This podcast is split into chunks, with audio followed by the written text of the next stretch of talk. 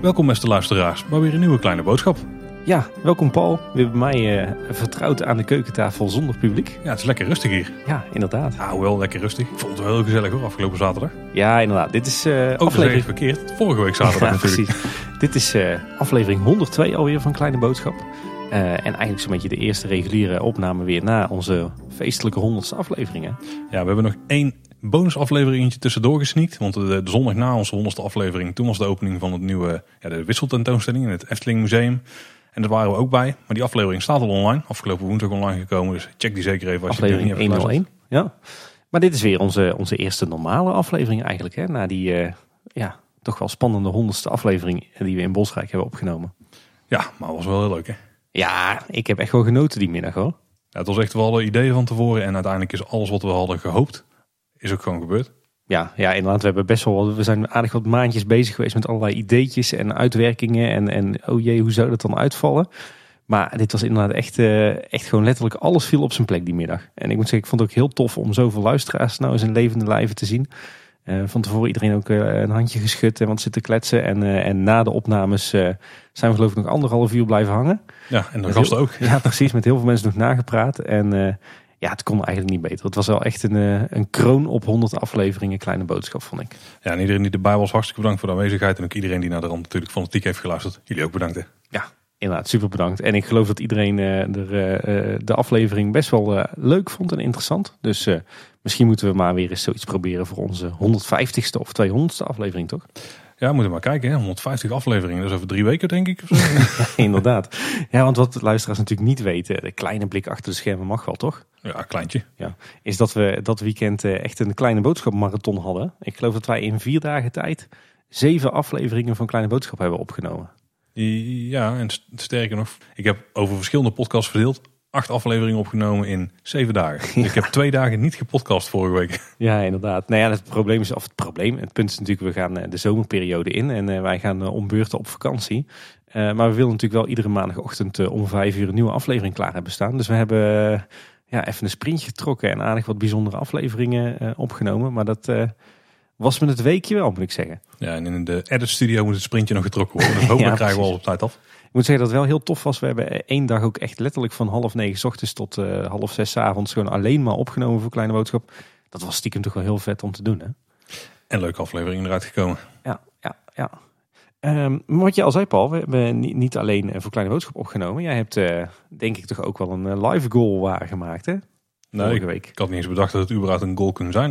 ik zat in één keer in de ochtend in pretparkland. Ja, het was wel een beetje de, de godfather van alle pretparkpodcasts. En toch ook wel ons grote voorbeeld, denk ik. Nou, op een bepaalde manier wel, ja. ja. En uh, ja, we kregen in één keer op zondag een berichtje van... Uh, heren, ik uh, moet morgen naar Walibi, naar Untamed, naar ja. de opening. Maar Erwin, de, de potvader van de Nederlandse pretparkpodcast, ja. die kon niet. Nee. En ik heb nog iemand nodig die meegaat, of tenminste, er kan nog iemand mee. En ik was de enige die ook kon volgens mij. Ja, klopt. Ik had helaas uh, een aantal belangrijke afspraken op het werk. Dus uh, het zat er voor mij niet in. Ja, dat was mijn geluk in deze. Dus ik ben samen met Jelle naar de opening van een Tamed geweest.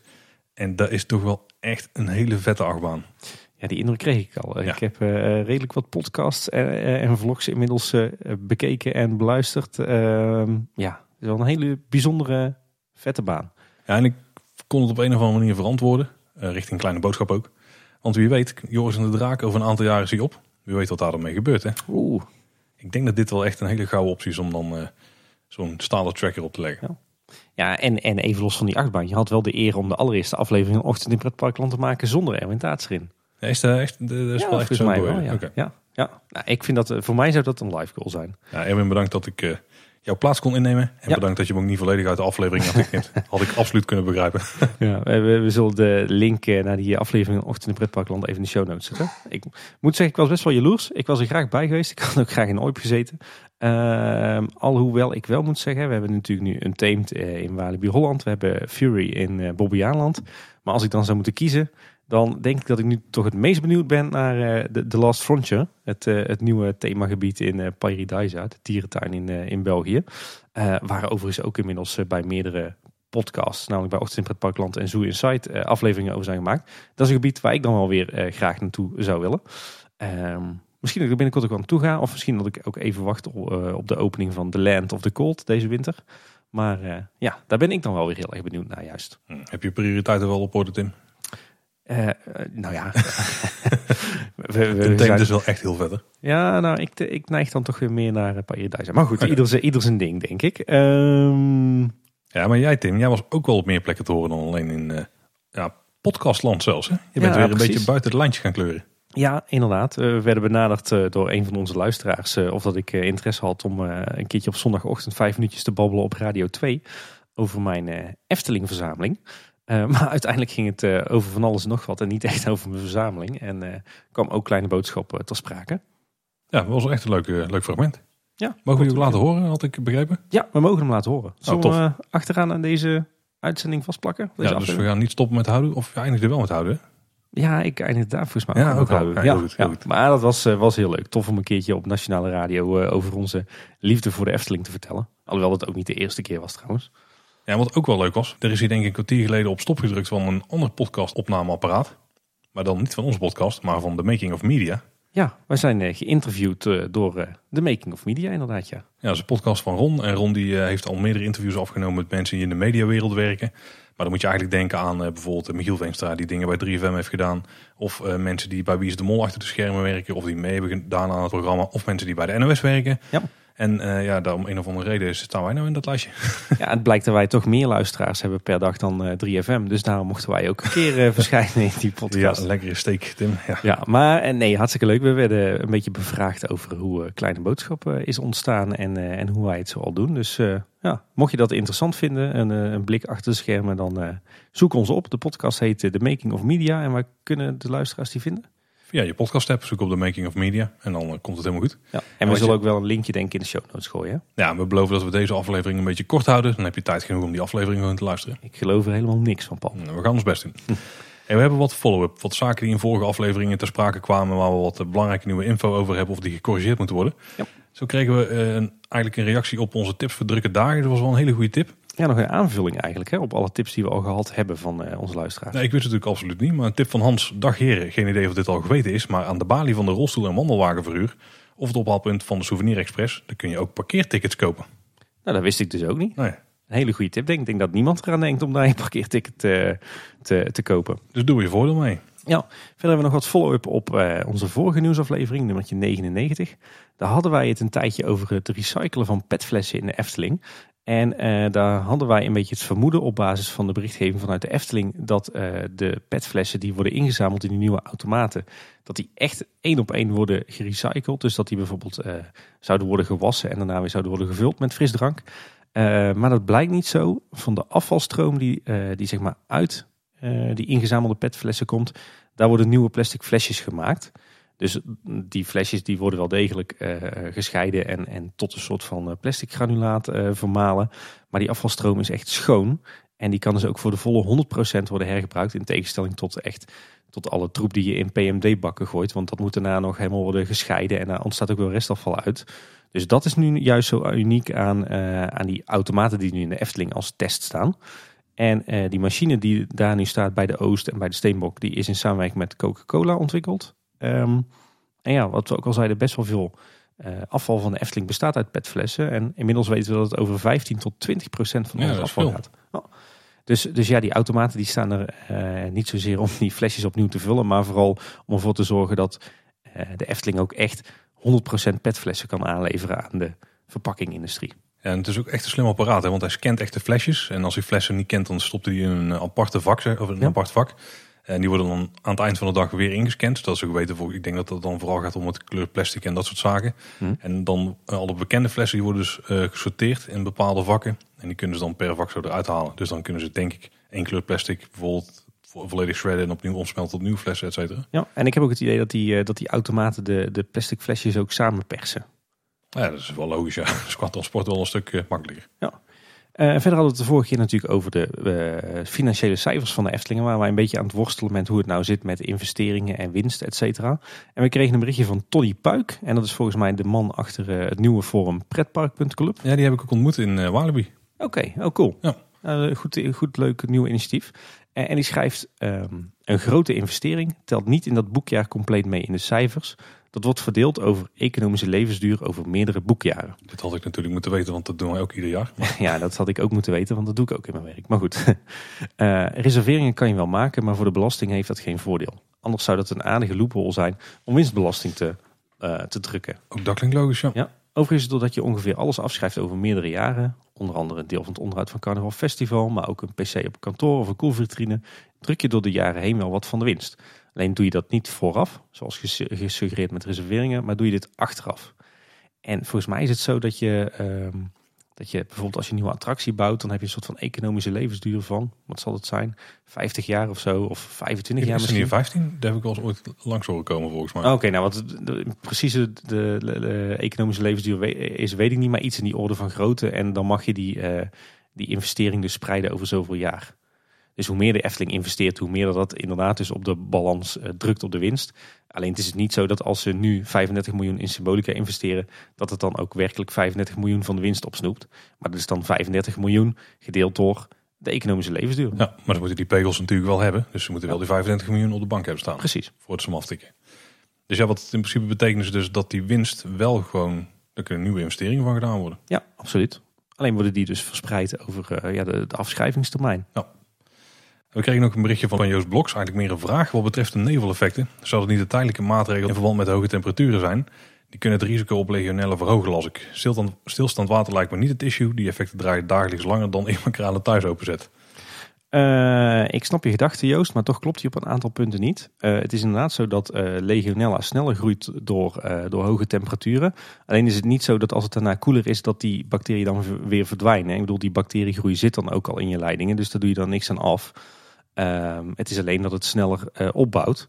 Eh, en stilstaand water is wel degelijk een issue. In stilstaand water ontstaat namelijk legionella, zeker als het eh, warm stilstaand water is. En je schrijft dat die effecten in de Efteling langer draaien dan je thuis je kranen openzet. Dat klopt. Maar mocht je in een wat ouder huis leven, dan is de kans ook vrij groot dat je ook gewoon legionella in jouw huis hebt zitten. Alleen heeft de overheid bepaald dat dat geen, geen noemenswaardig risico is. Wel op semi-openbare plekken, zoals een sportclub of een pretpark. Eh, maar in de Efteling wordt dat natuurlijk ook nog eens verneveld in zo'n mistmachine. Eh, dus vandaar mijn analyse of deductie dat mogelijk eh legionelle beheersingsproblematiek de oorzaak zou kunnen zijn dat heel veel neveleffecten in de Efteling momenteel uitstaan. Dat is geen feit, dat hebben we ook niet bevestigd gekregen. Dat is gewoon een, een aanname van ons en, en een logische conclusie op basis van een aantal dingen die we zien. Ehm, Ik zie bijvoorbeeld wel dat bij Bron 1898 het effect eigenlijk wel redelijk consistent aanstaat. ja, misschien dat daar wel een goed eh, be- eh, legionelle beheersysteem achter zit. Preventief uitgezet, toen gecheckt, bleek niks aan de hand te zijn. Precies, dat dat zou systeem, kunnen. dus dan Ja. laten ze die gewoon aanstaan. Ja. Ja. En dan kregen we last but not least eh, ook nog twee correcties van eh, Ramon Heren, ons eh, onzichtbare derde redactielid. Wij stelden in de nieuwsaflevering 99 de vraag of het luik boven het waterrad aan de buitenkant van Las Brouwhuis, of dat dat nou nieuw was of niet. Ramon die gaf aan dat het er echt altijd heeft gezeten. En als Ramon het zegt, dan weet je dat het waar is. En hij gaf ook aan, eh, en dat ging even over de oude boom, volgens mij een plataan, die eh, plat is gegaan bij het eh, busstation. Dat we dat nogal schandalig vonden voor drie fietsenrekken.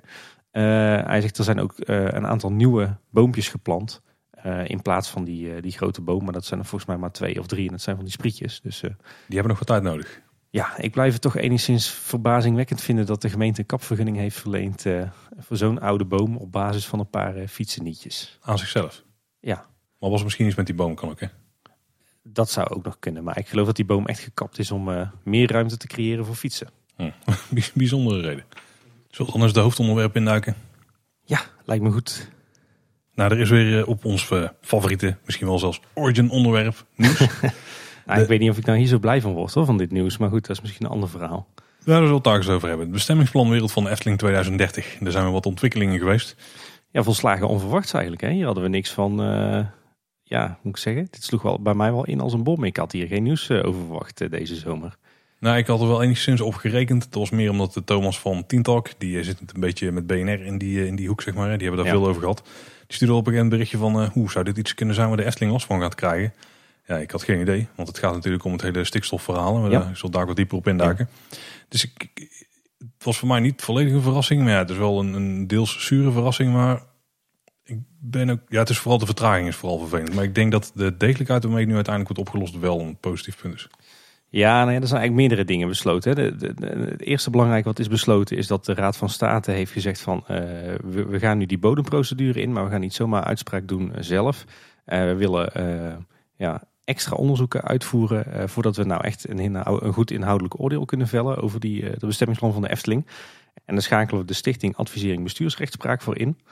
Um, en dat is eigenlijk een soort ja, onafhankelijke stichting uh, die bij wijze van spreken fungeert als een soort van uh, onafhankelijk adviesbureau van de Raad van State. Die adviseren heel vaak bij dit soort kwesties als het uh, inhoudelijk wat, wat complexer wordt. Klinkt wijs, ja. Dus die schakelen ze in en die gaan nog wat dieper in op de materie.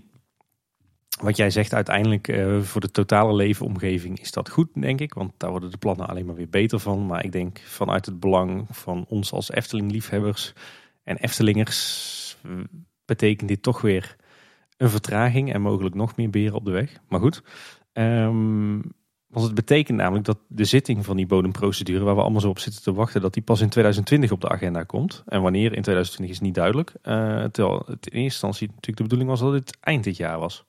Nou, ik ging wel echt uit van heel, helemaal aan het einde van het jaar. Want volgens mij kon het tot 12 maanden duren. Ik, ik had ergens in mijn hoofd reken ik een beetje op januari 2020 al. Oké. In, in uiterlijke gevallen. Ja, nou ja, er was op zich ook wel een reden inderdaad waarom dat uh, nu de Raad van State bij elkaar kwam uh, om over het bestemmingsplan van de Efteling te praten. Terwijl dat eigenlijk dus pas eind dit jaar de bedoeling was. Um, ze hebben nu um, eigenlijk een soort van voorschotje genomen op die bodemprocedure. Uh, en ze hebben eigenlijk alleen één bezwaar behandeld van een bewoner van de Heideweg. En de Heideweg is zeg maar het verlengde van de Horst. -huh. Dus het ligt tussen Loon op Zand en de Efteling. Nou, wat had die bewoner gedaan? Die had een bezwaar ingediend over het feit dat de gemeente Loon op Zand de pas heeft gebruikt. Uh, binnen de plannen van de Efteling. Nou ja, wat is de, de PAS? Uh, het staat voor programmatische aanpak stikstof. En hoe zit dat nou? Ik zal proberen om het uit te leggen, want het is vrij droge kost. Uh, in Nederland heb je heel veel Natura 2000 gebieden. Dat zijn natuurgebieden die extra zwaar beschermd zijn. Zeg maar onze meest belangrijke natuurgebieden in dit land. die genieten Europese bescherming. En de Europese Unie heeft gezegd van nou, een van de problemen die er speelt in die gebieden... is dat er te veel stikstof neerkomt op die gebieden. Nou, stikstof kan bijvoorbeeld komen vanuit uh, de landbouw, denk aan mest, maar ook vanuit uh, auto's, vrachtauto's en vanuit de industrie. en er is eigenlijk bepaald, um, er komt veel te veel stikstof neer op die gebieden, die raken daardoor overbemest zou je kunnen zeggen. Over, ja, die krijgen veel te veel stikstof binnen, dat is slecht voor de biodiversiteit en voor de flora en fauna in die gebieden. dus het mag zeker niet meer worden. We, gaan, we willen dat ook terugdringen, maar het mag zeker niet meer worden. Dus eigenlijk is er op Europees niveau gezegd, eh, bedrijven in de eigenlijk nieuwe ruimtelijke ontwikkelingen in de buurt van die Natura 2000 gebieden, eh, die mogen niet omdat die zorgen voor meer stikstof. Nou, dat zou in het, het, het dichtbevolkte Nederland, waar alle natuurgebieden over het algemeen vrij uh, compact en klein en gefragmenteerd zijn, zou dat natuurlijk betekenen dat een heleboel economische ontwikkelingen niet meer door kunnen gaan. Uh, dus is de pas ontwikkeld en de pas is eigenlijk een soort van ja, methode om door middel van berekeningen aan te tonen dat je toch een bepaalde ruimtelijke ontwikkeling door mag maken. En zoals ik het begreep heeft het ook vooral te maken met de toekomst. Je neemt een soort voorschot op ontwikkelingen die nog gaan komen. En daarmee leg je eigenlijk uh, ja, het terugdringen van de stikstof vooral een beetje weg in de toekomst. En doe je het niet direct. Uh, klopt. Wat, wat wel goed is om te weten is, het geldt niet voor ieder bouwplan. Ze hebben uh, die, die, stikstofproblematiek alleen maar, te, uh, zeg maar van toepassing verklaard op ruimtelijke ontwikkelingen waarvoor bestemmingsplannen moeten worden aangepast, aangepast. En ook voor nieuwe milieuvergunningen. Maar alles wat jij doet binnen een bestaand bestemmingsplan hoef je daar niet naar te kijken. Gelukkig, maar anders zou er misschien helemaal niks meer kunnen gebeuren. Maar goed, die methodiek is eigenlijk dus een klein beetje een escape op de Europese regels om toch bepaalde economische ontwikkelingen mogelijk te maken ondanks die, die, het feit dat je niet meer stikstof mag uit, uh, uitstoten. Nou, de Efteling heeft van die, die rekenmethodiek ook gebruik gemaakt. Dat is heel ingewikkeld, want dan kijken ze naar stikstofdepositie. Dus uh, afhankelijk van de windrichting, waar komt stikstof dan neer, op welke gebieden. En dat gaat dan om de Loons en duinen, en, maar ook allerlei andere natuurgebieden in, in de regio. En daar is heel dat plan op doorgerekend. En uh, die bewoner langs de Heideweg, die woont heel dicht bij de Loons en duinen. en die diende dus bezwaar in tegen het gebruik van de pas. En Raad van State heeft nu gezegd van nou, omdat wij in een eerder stadium dit jaar die pas hebben afgeschoten, die hele rekenmethodiek, en omdat u zo dicht bij de Loonse Drunense Duinen woont, u dus daadwerkelijk een belanghebbende bent, uh, keuren wij uw uh, bezwaar goed. Um, en daarmee zijn we het dus eens met het feit dat die pas niet gebruikt had mogen worden. Ehm, maar dat was in de basis toch al, want dat is het besluit dat ze sowieso hebben genomen, toch? Ja, inderdaad. Alleen dat besluit, dat algemene besluit van de Raad van State over die pas, heeft dus nu ook eh, direct impact op eh, de, de verdere beoordeling van het bestemmingsplan Wereld van de Efteling 2030. Even checken, want volgens mij had ik het zo gelezen dat ze niet per se zijn bezwaar hebben goedgekeurd, maar dat ze wel eh, genoeg gronden vinden om dat verder te gaan onderzoeken. Kan dat kloppen of komt dat een beetje op hetzelfde neer? Ja, nou ja, weet je, uiteindelijk is die pas nu toch afgeschoten als Ja, rekenmethode. er moet dus gewoon bewijs worden geleverd dat de Efteling wel onder die waarde kan blijven zoals die... eh, Precies. De Efteling moet eigenlijk dus nu aantonen, en dat is natuurlijk best wel lastig, dat de uitstoot van stikstof niet eh, meer wordt als gevolg van de uitbreidingsplannen van de Efteling. En dat wordt best lastig, want er is eh, de grond onder die uitbreidingsplannen is dat de Efteling doorgroeit naar maximaal 7 miljoen bezoeken. Dus dat er ook meer vervoersbewegingen komen, dus meer auto's, dus meer stikstof. En dat wordt nog best wel een uitdaging. Ja, maar de gemeente, het zal wel de Efteling zijn geweest, maar de gemeente heeft uiteindelijk een soort van plannetje geopperd.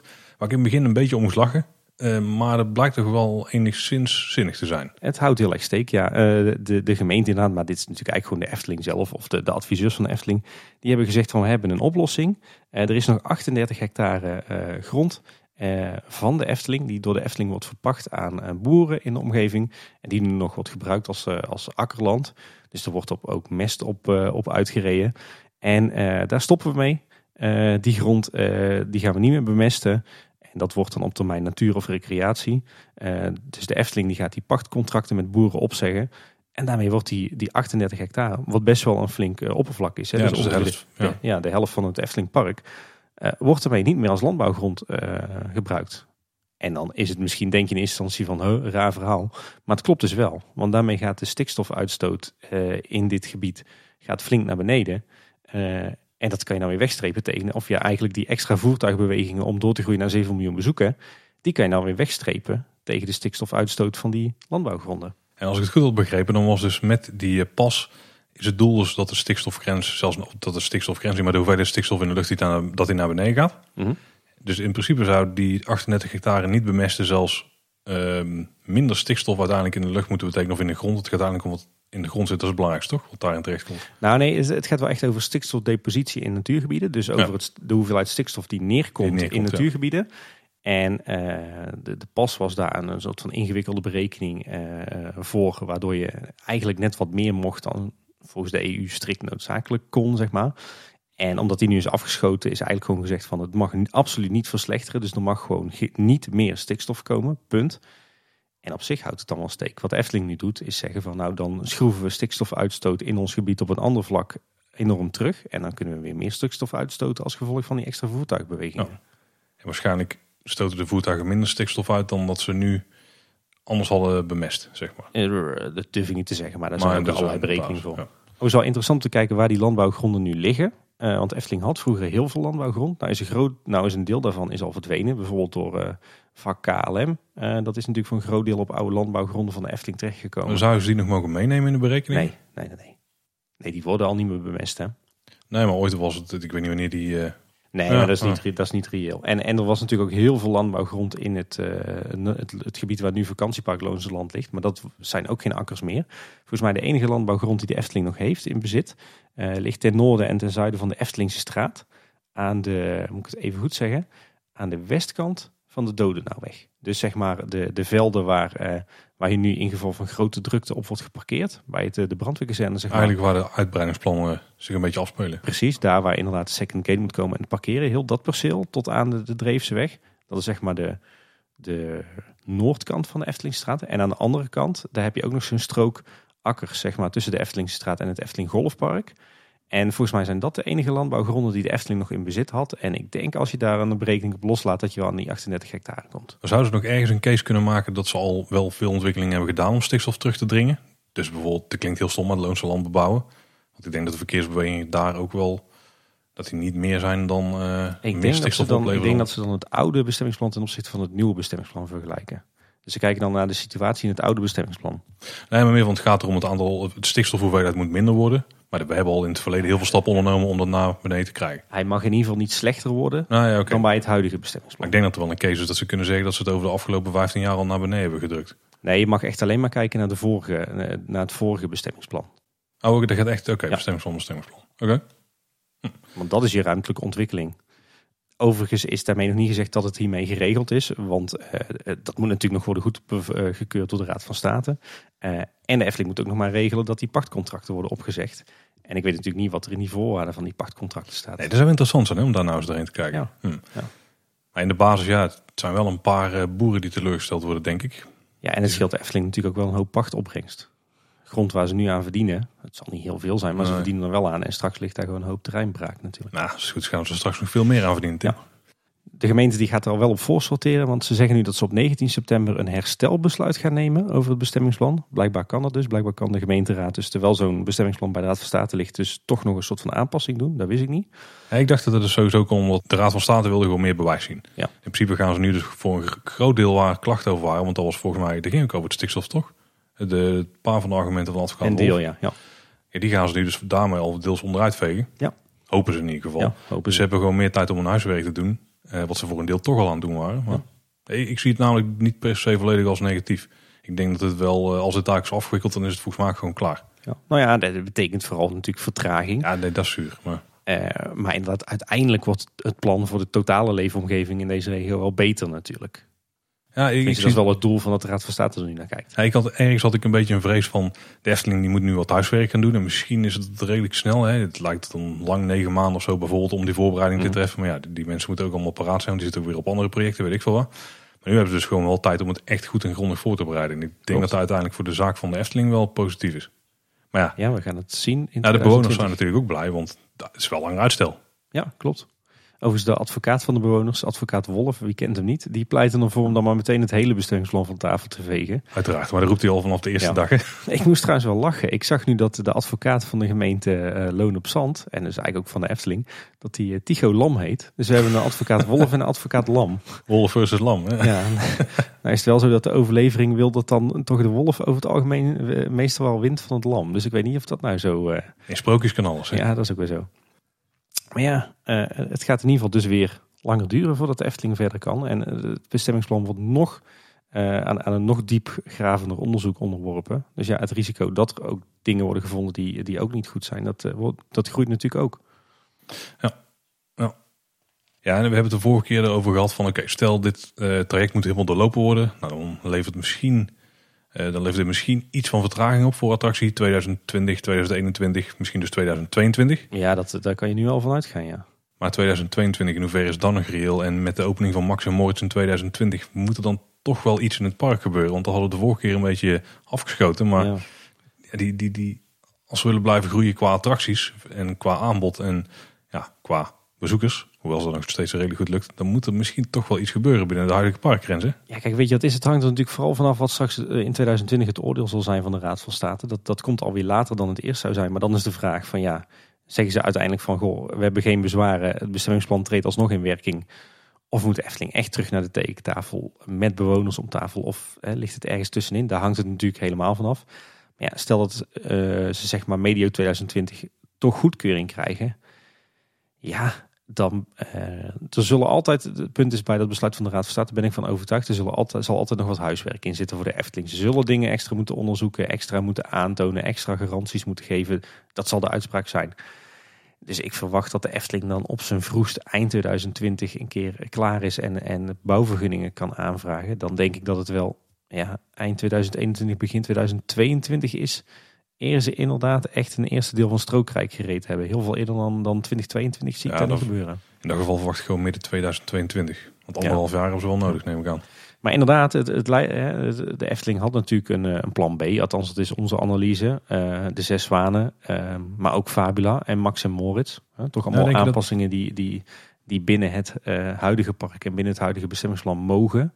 Het is zwanen zie ik wel als iets wat gewoon altijd al was gebeurd. Dat klopt, maar Fabula en Max en Moritz zie ik wel als twee uh, opties. Um, ja, weet ik niet. Max, ja. Max en Moritz misschien ook niet, maar Fabula wel.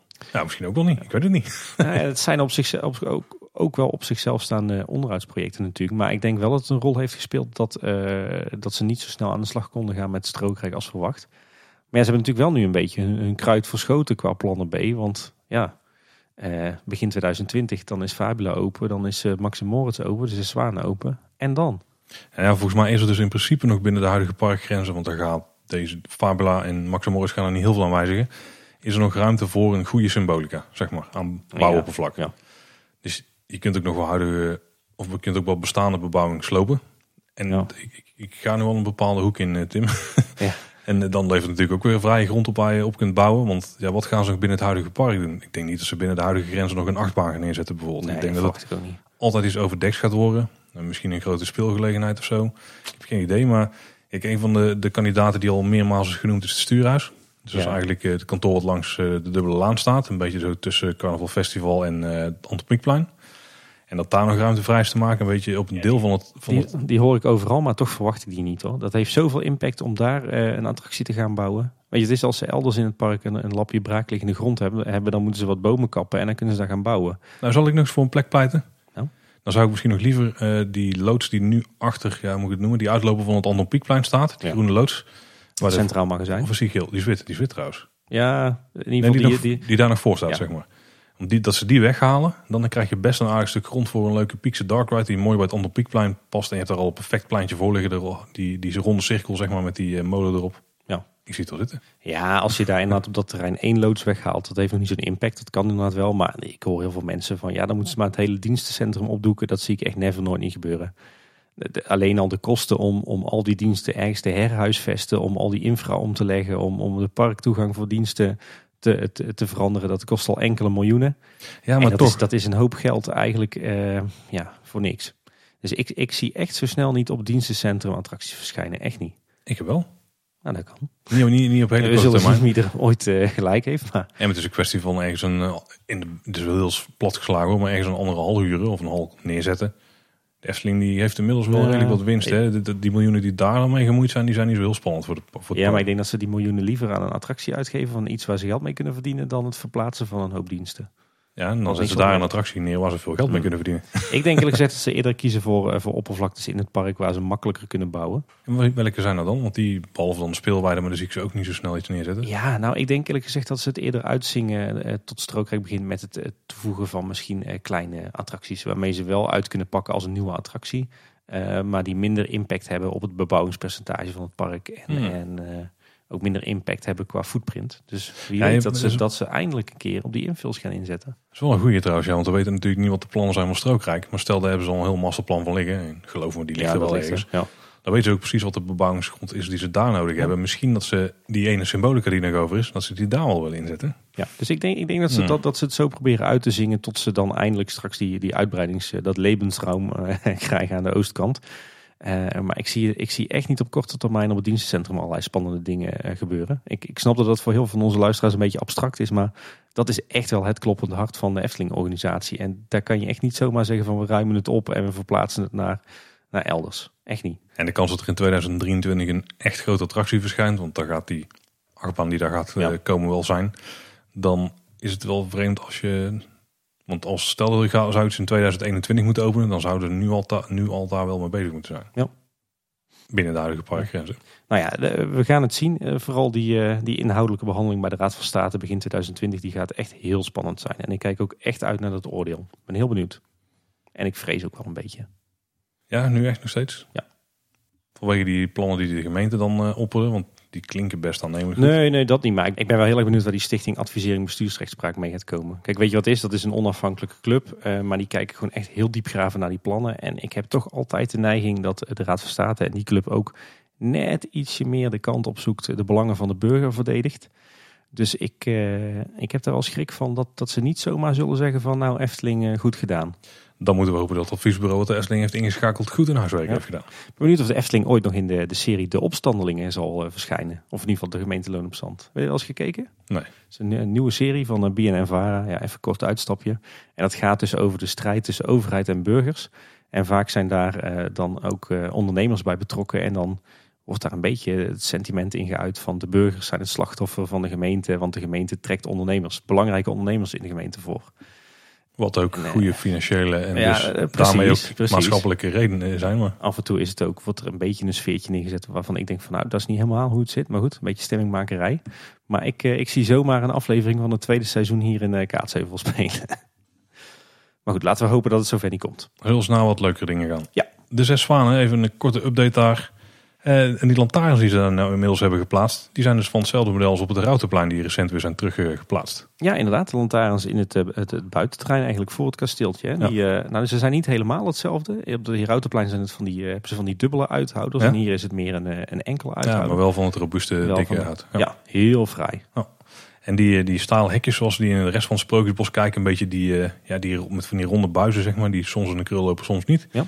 En die dan ook weer omhoog worden gehouden door ook weer zo'nzelfde stalen gebogen constructietje.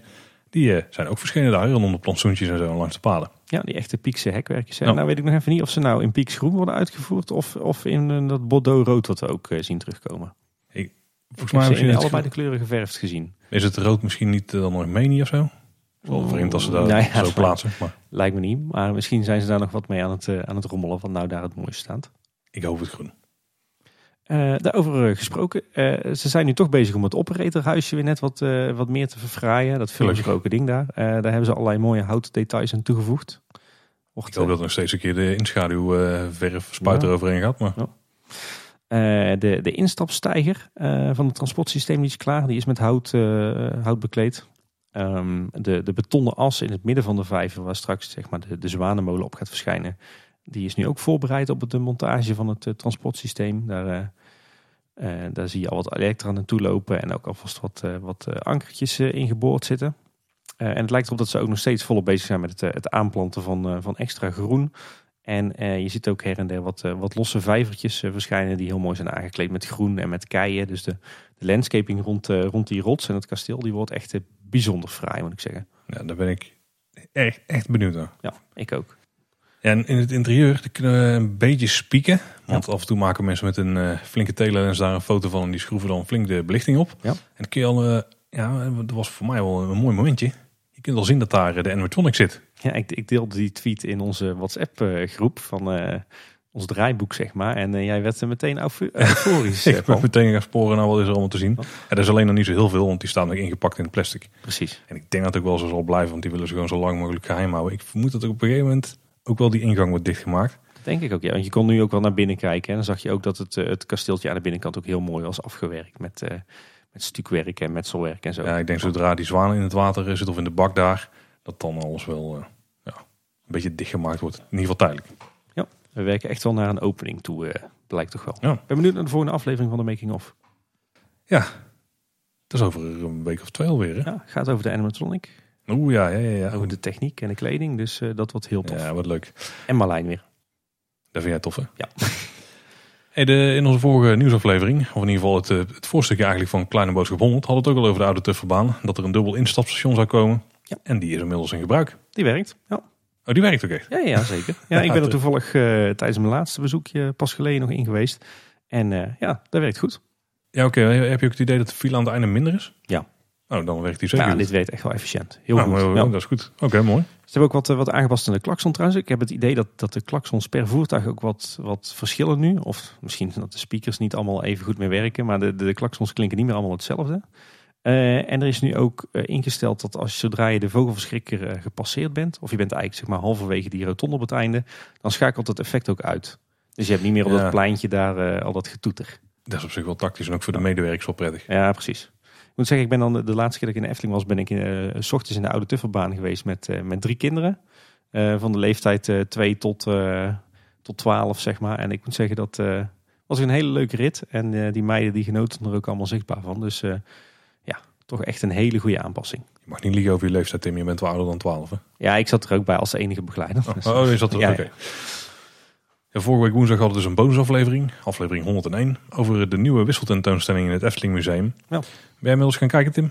Nee, ik heb er echt nog geen tijd voor gehad eh, nadat die eh, open is. Nou is hij ook pas vier dagen open. En eh, nee, ik ben nog niet naar de Efteling geweest sindsdien. Ik heb wel heel veel, eh, natuurlijk naar de podcast geluisterd, maar ook heel veel foto's en video's gezien. En eh, ik ben toch wel positief verrast, denk ik. Ik denk dat je ook wel positief verrast gaat zijn. Ja. We hadden het er van tevoren al over gehad. En dit was ook een beetje onze conclusie in die aflevering. Ik was echt heel erg bang dat het vooral een kinderfestijn ging worden. En dat je daar een beetje als ouder in de hoek kon leunen en kijken hoe je kinderen dan naar hun zin hadden. Maar er is voor de liefhebber echt wel een hoop te zien. Ja. Ehm, in de aflevering noemden we ook onder andere een eh, model van de Chinese nachtegaal. Van het Ja. eh, gebouwtje. Die, En- die is al wel eerder getoond hoor. Ja, precies. de wou ik inderdaad. Ja. En ook inderdaad een, een model van eh, het kasteel van Meisje met de zwavelstokjes. En die hebben volgens mij een jaar of tien geleden of zo ook in een Die tentoonstelling hebben we ook een keer eerder gezien, ja. Ja, ik moet zeggen, die, die, die 3D-items die, die zijn wel leuk om nog een keer te zien. Maar op zich niet zo heel opzienbaar. Ik ben vooral heel erg benieuwd naar die, eh, die foto's en filmpjes en bouwtekeningen en schetsen die, eh, die per sprookje te zien zijn. Ja, en dan moet je gewoon op je gemak even gaan kijken. En dan komen ze alle 30 voorbij. Ja, dan moet ik eens een keer de tijd. Ik heb eigenlijk nog niet gezien wat er van zes zwaan al tussen zat. Hmm. Die heb ik er niet bij. Oh, dan moet ik eens even in de gaten houden. Want daar zitten misschien tekeningen bij die we ook nog niet kennen. Nou, ik moet zeggen dat ik wel heel erg positief ben verrast over, eh, over die content. Dus ik, eh, ik kijk er wel echt naar uit om het, eh, het museum te bezoeken. Ik denk dat er gewoon leuke randjes aan het eh, museum. En vooral aan die nieuwe tentoonstelling. Dus dat ze ook een keer een kijkje in de toekomst geven. En dat, dat een soort mini preview centertje hebben dus. Ja. En dat is wel een toffe toevoeging. Ook een nieuwe sprookjesboek natuurlijk, waar ik echt wel naar uitkijk. Ja, maar vooral de maquette van zes zwanen en Ja. de tekeningen die erbij liggen. Dus leuk. Ja. Leuk om eens even goed van dichtbij te kijken. Ik eh, moet zeggen dat het sowieso ook altijd wel leuk is om een rondje te maken door het eh, museum. hoor. Want zeker op de, de rommelzolder, zeg maar het achterste gedeelte, daar verschijnen toch iedere keer weer ja, onopgemerkt toch weer leuke items uit de geschiedenis van de Efteling. Altijd weer een feest om daar even doorheen te lopen. En een tip voor de luisteraars, spreek is ook zeker iemand aan die daar rondloopt. Iemand met een Efteling Ja. outfitje aan. Want die willen je heel graag van alles vertellen over eh, de geschiedenis. Zeker, zeker. Dan gooi je een kwartje in en dan eh houden ze het niet meer op. Ja, en dan, het, eh, we hadden het net al over het teleurstellend nieuws. Zouden we dit er ook onder mogen scharen? Het Negenpleinenfestijn eh aanbod dit jaar? Ik heb eerder gezegd, geloof ik, van niet. Ook in K- Kleine Boodschap 100. Maar ik denk dat ik toch ook langzaam zeker wel die kant uit neig. Ja. Ik heb het inmiddels ook zelf gezien en het is wel... Het, voelt wel echt beperkter. Ik vond dat je vorig jaar was, was het nog wel een soort van eh, case te maken van... eh, ze hebben gewoon een deel van het budget verschoven. Bijvoorbeeld naar meer dansers eh, bij Symbolica voor die hofdans daar. Maar dit jaar is het die case gewoon niet te maken. Er is gewoon wel beknibbeld. Er zijn wat dingen versoberd. En ehm, ja, tenminste, ik zeg beknibbeld, dat weten we natuurlijk niet. Maar ik ga ervan uit dat het budget Mhm. wat uitgegeven wordt uiteindelijk minder is. Tenzij het straattheater op de Antropiekplein echt enorm duur is. Maar daar kunnen we het Nou, daar nog wel even los over hebben. En ja, ja, ik, ik weet niet. Het voelt, het, voelde nu al echt. Want jij hebt het vaker gevraagd van is het negen staan op? Dus eh, iets minder Ja. stellig dan dat gesteld. Ik denk dat het er nu wel echt eh, zichtbaar is, ja. Dat het wel begint eh, te komen. Ja, ik moet ook zeggen, ik was van tevoren zei ik van mensen moeten niet zo zuur doen en niet zo zeiken. Want je kan nog steeds een prima leuke avond hebben op het Negenpleinenfestijn. Wat overigens nog steeds gewoon klopt hoor. Dat, dat geloof ik ook nog steeds. Ehm, nou ben ik zelf nog niet s'avonds geweest. Er is ook eigenlijk pas één Negenpleinenfestijn weekend geweest. Ik heb het alleen maar overdag gezien. Maar ik heb wel volle bak natuurlijk filmpjes en video's bekeken en reacties gezien. Ik heb het idee dat er met name veel onvrede is over drie pleinen eigenlijk. Eh, het Fata Morgana plein, nou, dat was natuurlijk een, een heel gaaf plein. Altijd met kamelen, met tovenaars, met buikdanseressen, met nadir, met, eh, met marktkramen, met exotisch fruit. En nu staan er geloof ik nog drie straatmagiërs of zo. Twee.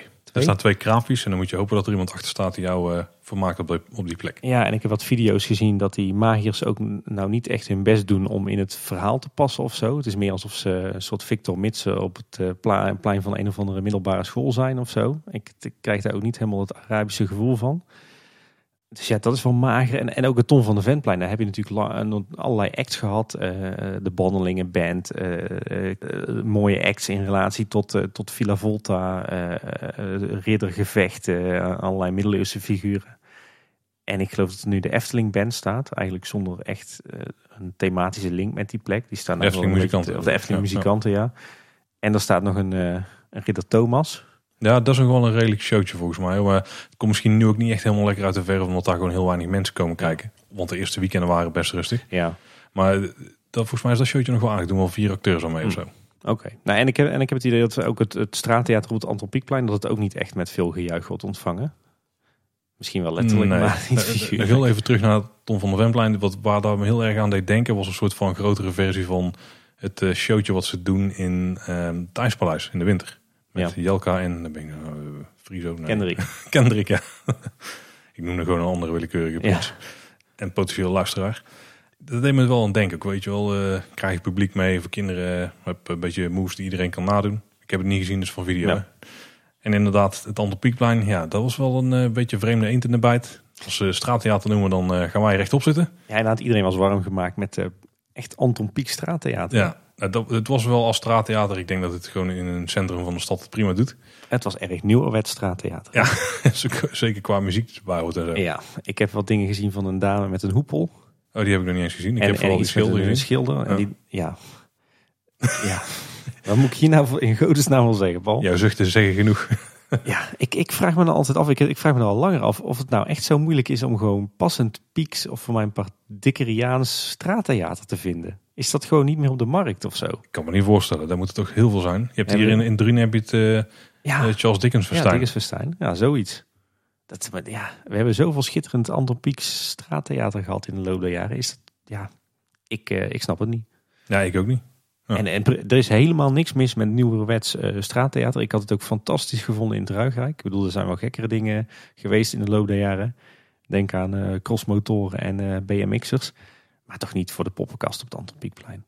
Nee, nee. En zeker niet met die muziek.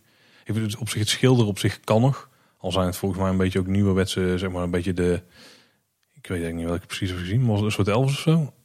Ja, El Pacino, ik weet niet precies. Maar in ieder geval een moderne acteur slash muzikant eh, werd daar geschilderd. En dan is het foefjes dat het ondersteboven gebeurt. En dan heb je geen idee wat er op eh, de, de schildering staat. Maar iedereen kent al lang van YouTube natuurlijk. En dan wordt die omgedraaid en dan is het eh, toch echt wel een schilderij van iemand die je herkent. Nou, hartstikke Aha. gezellig. Ja. Het was David Bowie trouwens. Oh, Ja. kijk, Ja. hij komt meteen bij jou terug. Ja. Nou, weet je, die, die acts zijn, zijn op zich prima, maar, maar doe alsjeblieft op het Anton Pieckplein, zeker als je, want er werd ook echt gecommuniceerd van Piekriaans straattheater. Doe, doe Ja, daar dan ook iets. Piekriaans. Of ze communiceren het gewoon Ja. niet zo. Ja, kijk, en verder, ja, weet je, uh, Steenbokplein is gewoon Jurgen Freilich, uh, Piranha is gewoon weer diezelfde danseres, Ja, ja, uh, ja. Ruigrijk, Zang en Geluk, Jelle in het Reizenrijk. De, de, wat, wat, Alle succesnummers. ja, weet je, alle succesnummers inderdaad opnieuw, maar dat kennen we wel. Dus ja, ik vind nog steeds, denk ik, dat wij uh, ook als abonnementhouders en als frequente bezoekers een prima avond kunnen hebben op Negenplein of Stijn. Dat komt ook omdat wij vaak maar één of twee pleinen bezoeken en verder vooral heel veel eten, drinken, kletsen, ouwehoeren, bekenden zien en nog wat attracties doen. Dat was een beetje mijn eh, zaterdagavond afgelopen Uh, ja, een beetje al mijn zaterdagavonden in de zomer. Uh, en dan stoor je je daar verder niet aan. Maar ik snap wel dat de, de, de fans die echt alle negen pleinen avond komen en vooral voor het entertainment komen, dat die zeggen van ja, het is toch wel echt nu aan het verschralen. Ja, daar hebben ze gelijk in. Ja. Dit is nu geen excuus meer voor te verzinnen. Nee, dus ik ben ook wel benieuwd wat hier de gedachte achter is. Of het inderdaad een klein beetje uitsterfbeleid is van we gaan toch naar een ander soort concept voor de zomeravonden. Nou, ik- Oké, dat is wel interessant om aan te halen. Volgens mij hebben wij dit eerder ook wel eh, gedaan. Maar eh, sommige succesnummers zijn een beetje slachtoffer, voor, slachtoffer geworden van hun populariteit. En ik denk dat dat hier voor een deel ook wel het geval is. Wat ik bijvoorbeeld ook hoorde is dat eh, Jelle nu een soort van wordt afgevoerd bijna achter de schermen als hij klaar is met optreden. Ja. Eh, dus dat daar wel mensen omheen lopen om, en dat er geen tijd meer is voor een praatje en zo. Want er gebeurde waarschijnlijk gewoon veel te veel. En daardoor Ja. kwam je niet meer toe aan rusten tussen zijn optredens. Eh, hetzelfde verhaal is met Nadir natuurlijk. Die is op een gegeven moment ook eh, Ja, daar oh, weggehaald. Want iedereen die kent het trucje al. je vorig jaar al. Oh, je punctueel. Precies hetzelfde. Overigens vind ik die, die act op het Harthof vind ik nog wel nog steeds de, tof. Ik Ook die, die, die, die ga ik dit weekend eens even uitgebreid checken. Maar ja, ik denk dat eigenlijk degene die nu misschien wel het meest boos zijn op wat er allemaal eh, wordt beknibbeld. dat die er ook deels debet aan zijn. Ja.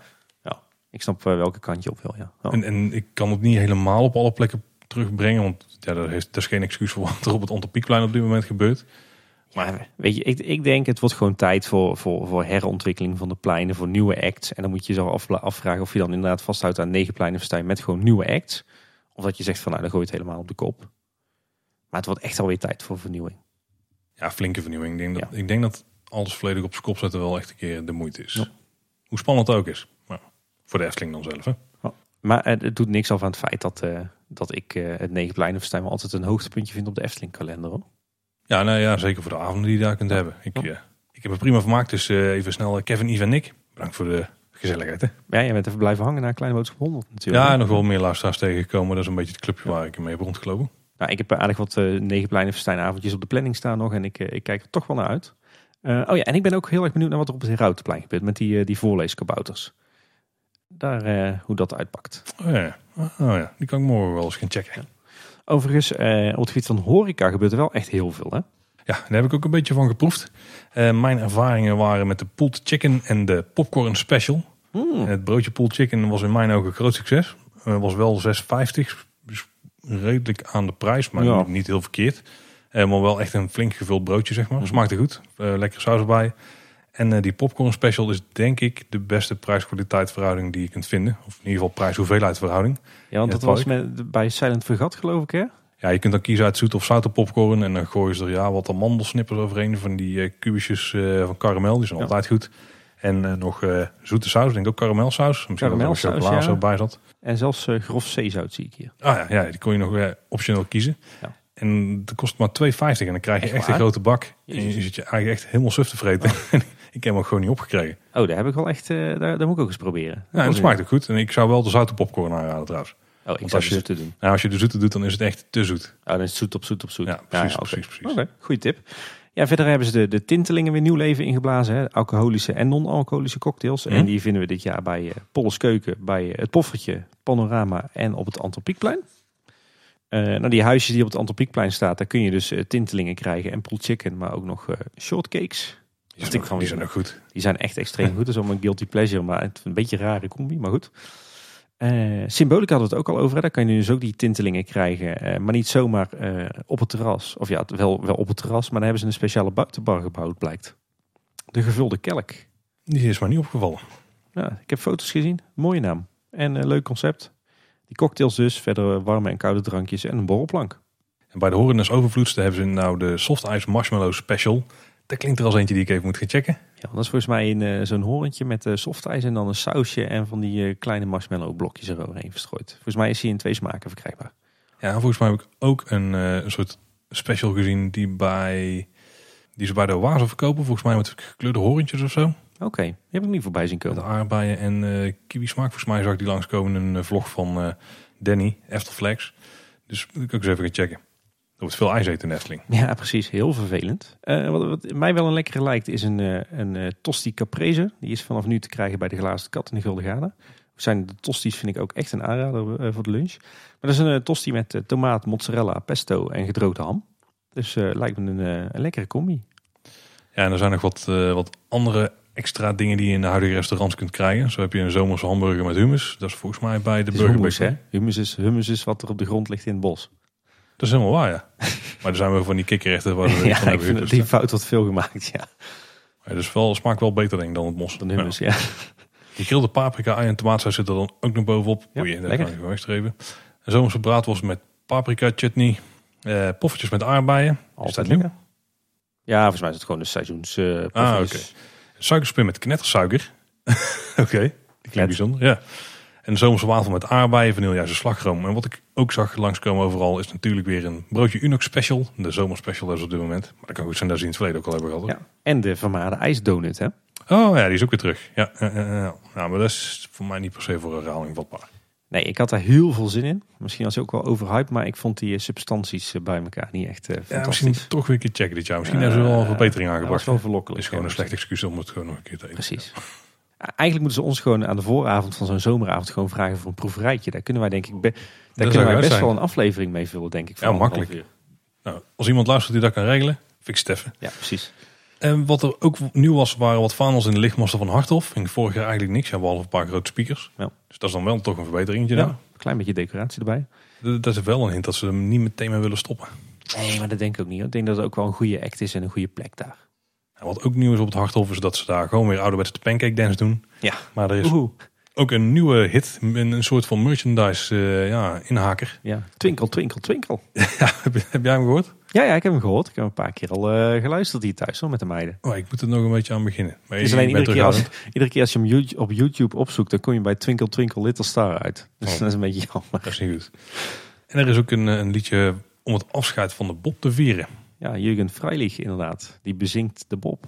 Zo'n beetje apart. Een liedje wat speciaal gemaakt wordt om afscheid te nemen van een attractie. Ik eh, vind dat wel prima eigenlijk. Ja. Ja, Het is, eh, leuk sentiment. Ja, alleen het is een nogal vrolijk liedje, terwijl het is eigenlijk natuurlijk heel dramatisch. Maar daar hoort het toch een beetje bij. Nou, vooruit. Afscheid mag met een eh, lachen met een traan, Tim. Dat is waar. Dat gaan wij ook nog wel doen, toch? Als ik tenminste niet op vakantie ben als de Bob zijn laatste rondjes maakt. Want dat zal je altijd zien. Ja, dat zou best kunnen. Dat is ons wel vaker gebeurd. Maar gelukkig hebben we jou dan nog, Paul.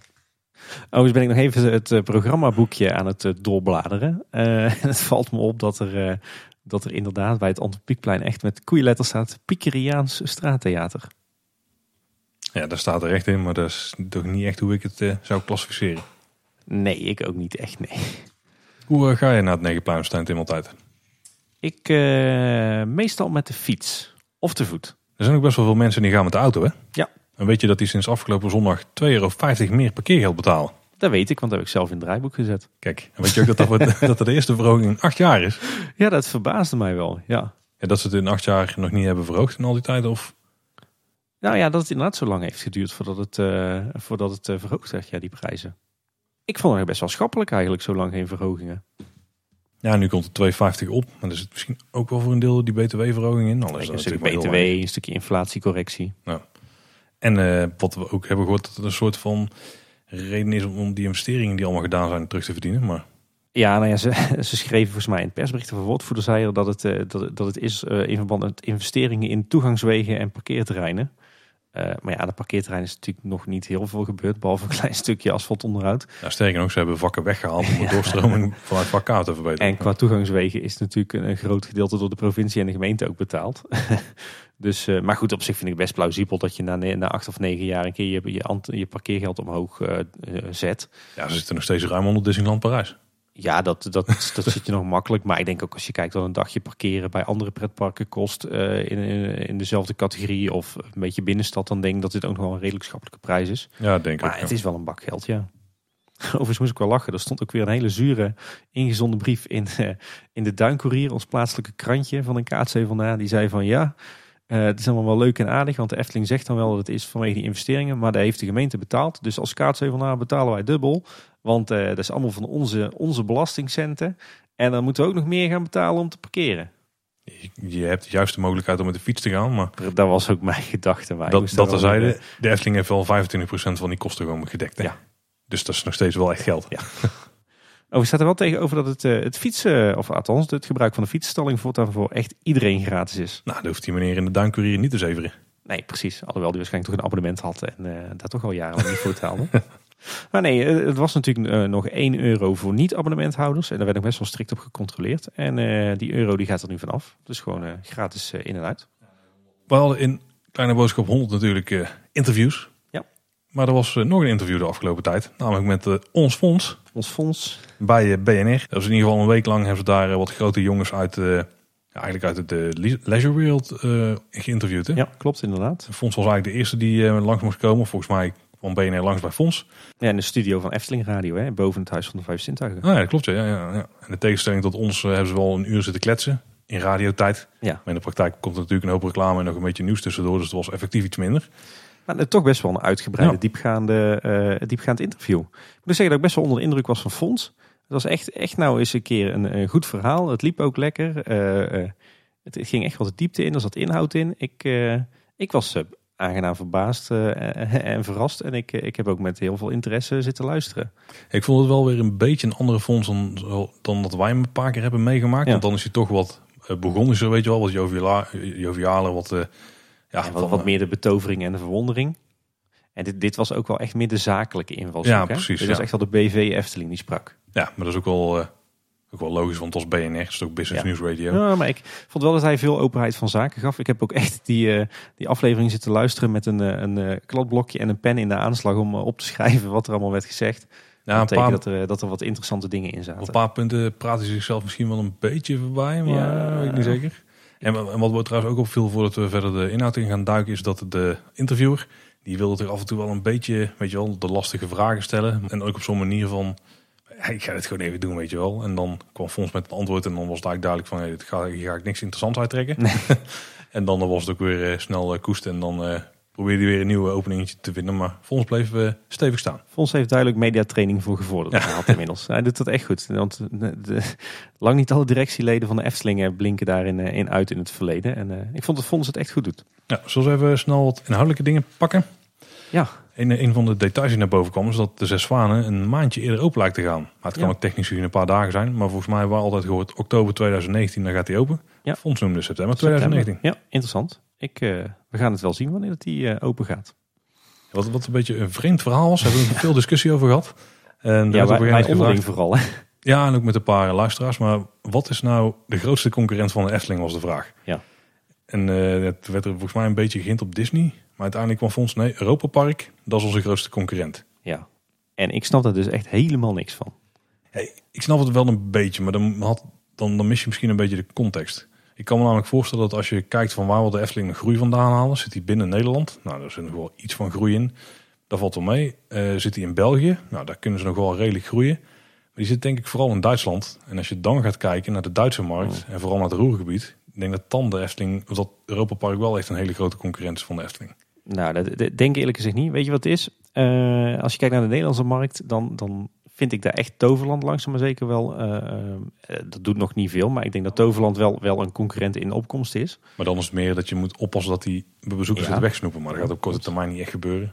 Hm, weet ik niet. Die zijn wel echt, echt hard aan de weg aan de Korte timmeren. termijn is vijf jaar of zo. Hè?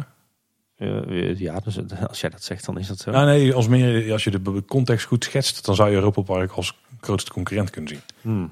Nou, ja, nee, ik denk het niet. ik, ik denk nou, eh, als ik, nou, als ik bijvoorbeeld kijk naar mijn omgeving, en dan niet zozeer de pretparkfans, maar de mensen die, die, die één keer per jaar naar de Efteling gaan eh, en, en heel af en toe misschien naar een ander pretpark. Weet je waar die naartoe gaan? Die gaan bijvoorbeeld eens in de zoveel jaar een weekendje naar Disneyland Parijs. Ja, maar wonen En die, in het Roergebied? Nee, wacht nou even. die gaan naar Fantasieland. Die gaan naar Movie Park Germany. Die gaan naar Bobbejaanland. Die gaan naar zulke parken. Ik herken echt letterlijk niemand, in ons eigen land dan althans, die, nou ja, oké, op een paar uitzonderingen na, die zegt we gaan naar Europa Park. Want heel veel mensen in ons land kennen dat niet. Ja, maar ik denk, En als je dan bijvoorbeeld kijkt naar de, de toeristen vanuit het buitenland, naar Amerikanen, Engelsen, Chinezen, die reizen toch op, op, op Amsterdam. En vanuit Amsterdam ben je heel makkelijk en steeds, steeds sneller en makkelijker in de Efteling. En eh, de- het wordt ook makkelijker om Disneyland Parijs te bereiken. Maar vanuit Amsterdam naar Europa Park, dat houdt ook geen steek. En ja, je hebt het over het Roergebied. Ik denk als jij in Du- een Duitser bent en je woont in het Roergebied, dan ga je eh, eerder naar Fantasieland of naar Movie Park Germany dan dat je naar Europa Park gaat. ja, Fantasieland zit wel mee, ja. Ik zou echt bij God niet weten op wat voor manier Europa Park nou een concurrent van de Efteling zou moeten zijn. En laat staan de grootste concurrent. Ik snap daar helemaal niks van. Ik, ik denk eerlijk gezegd dat het er over doorkomt, en daar hebben we het al vaker over gehad, dat Europa Park op een, een vreemd soort manier op een soort voetstuk staat bij Efteling liefhebbers en ook bij Efteling personeelsleden. Als ho, ho, het Europa Park. Het is ook een heel goed park en je kan er ook een schitterende tijd hebben, maar het is ook allemaal wel erg lelijk. Maar, maar ik, ja, ik geloof, ik zou echt niet weten op wat voor manier Europa Park nou de grootste concurrent van de Efteling moet zijn. Echt niet. Ja, Ik denk als je kijkt naar de grootste groeimarkt, dan is dat wel Duitsland. En dan, dan is, Nee, daar is Europa Park gewoon een grote... Ik heb juist het idee dat, dat, dat de grootste groeimarkt voor de Efteling nu Groot-Brittannië is. Ik denk dat de Efteling al, al jarenlang al best, wel wat, al best wel wat Duitsers binnenhaalde, bijvoorbeeld. Maar dat juist op het gebied van de Fransen, de, de Engelsen, de Amerikanen, dat daar de groei ligt. De Chinezen. Eh, als je kijkt naar Engeland, is de bereisbaarheid gewoon minder makkelijk. En als je in het Roergebied, ik pak hem weer aan, maar er wonen gewoon 5,5 miljoen mensen. Dus dat is best wel een grote club. Ja, die afstand Europa Park en Efteling is vergelijkbaar. En dat is dan toch het tripje wat verder weg naar een Ja. attractiepark, weet je wel. Misschien voor meerdere Ja, dagen. maar dat, dat zou dan alleen gelden voor de mensen die in het Roergebied wonen. Ik probeer het gewoon te zoeken, hè, waar Ja, een ja. fondsen een, een grote concurrent van aanhaalt. Fons, je mag altijd even een mailtje sturen om het uit te leggen. Precies, of eh, je, je tweet het even naar Edka Boodschap. Overigens ook een beetje een vreemd verhaal eh, over Disneyland Parijs versus de Efteling en Europa Park. Want wat zei Fons nou? Disneyland Parijs, dat was van een hele andere orde, want het was Amerikaans en Efteling en Europa Park waren Europees.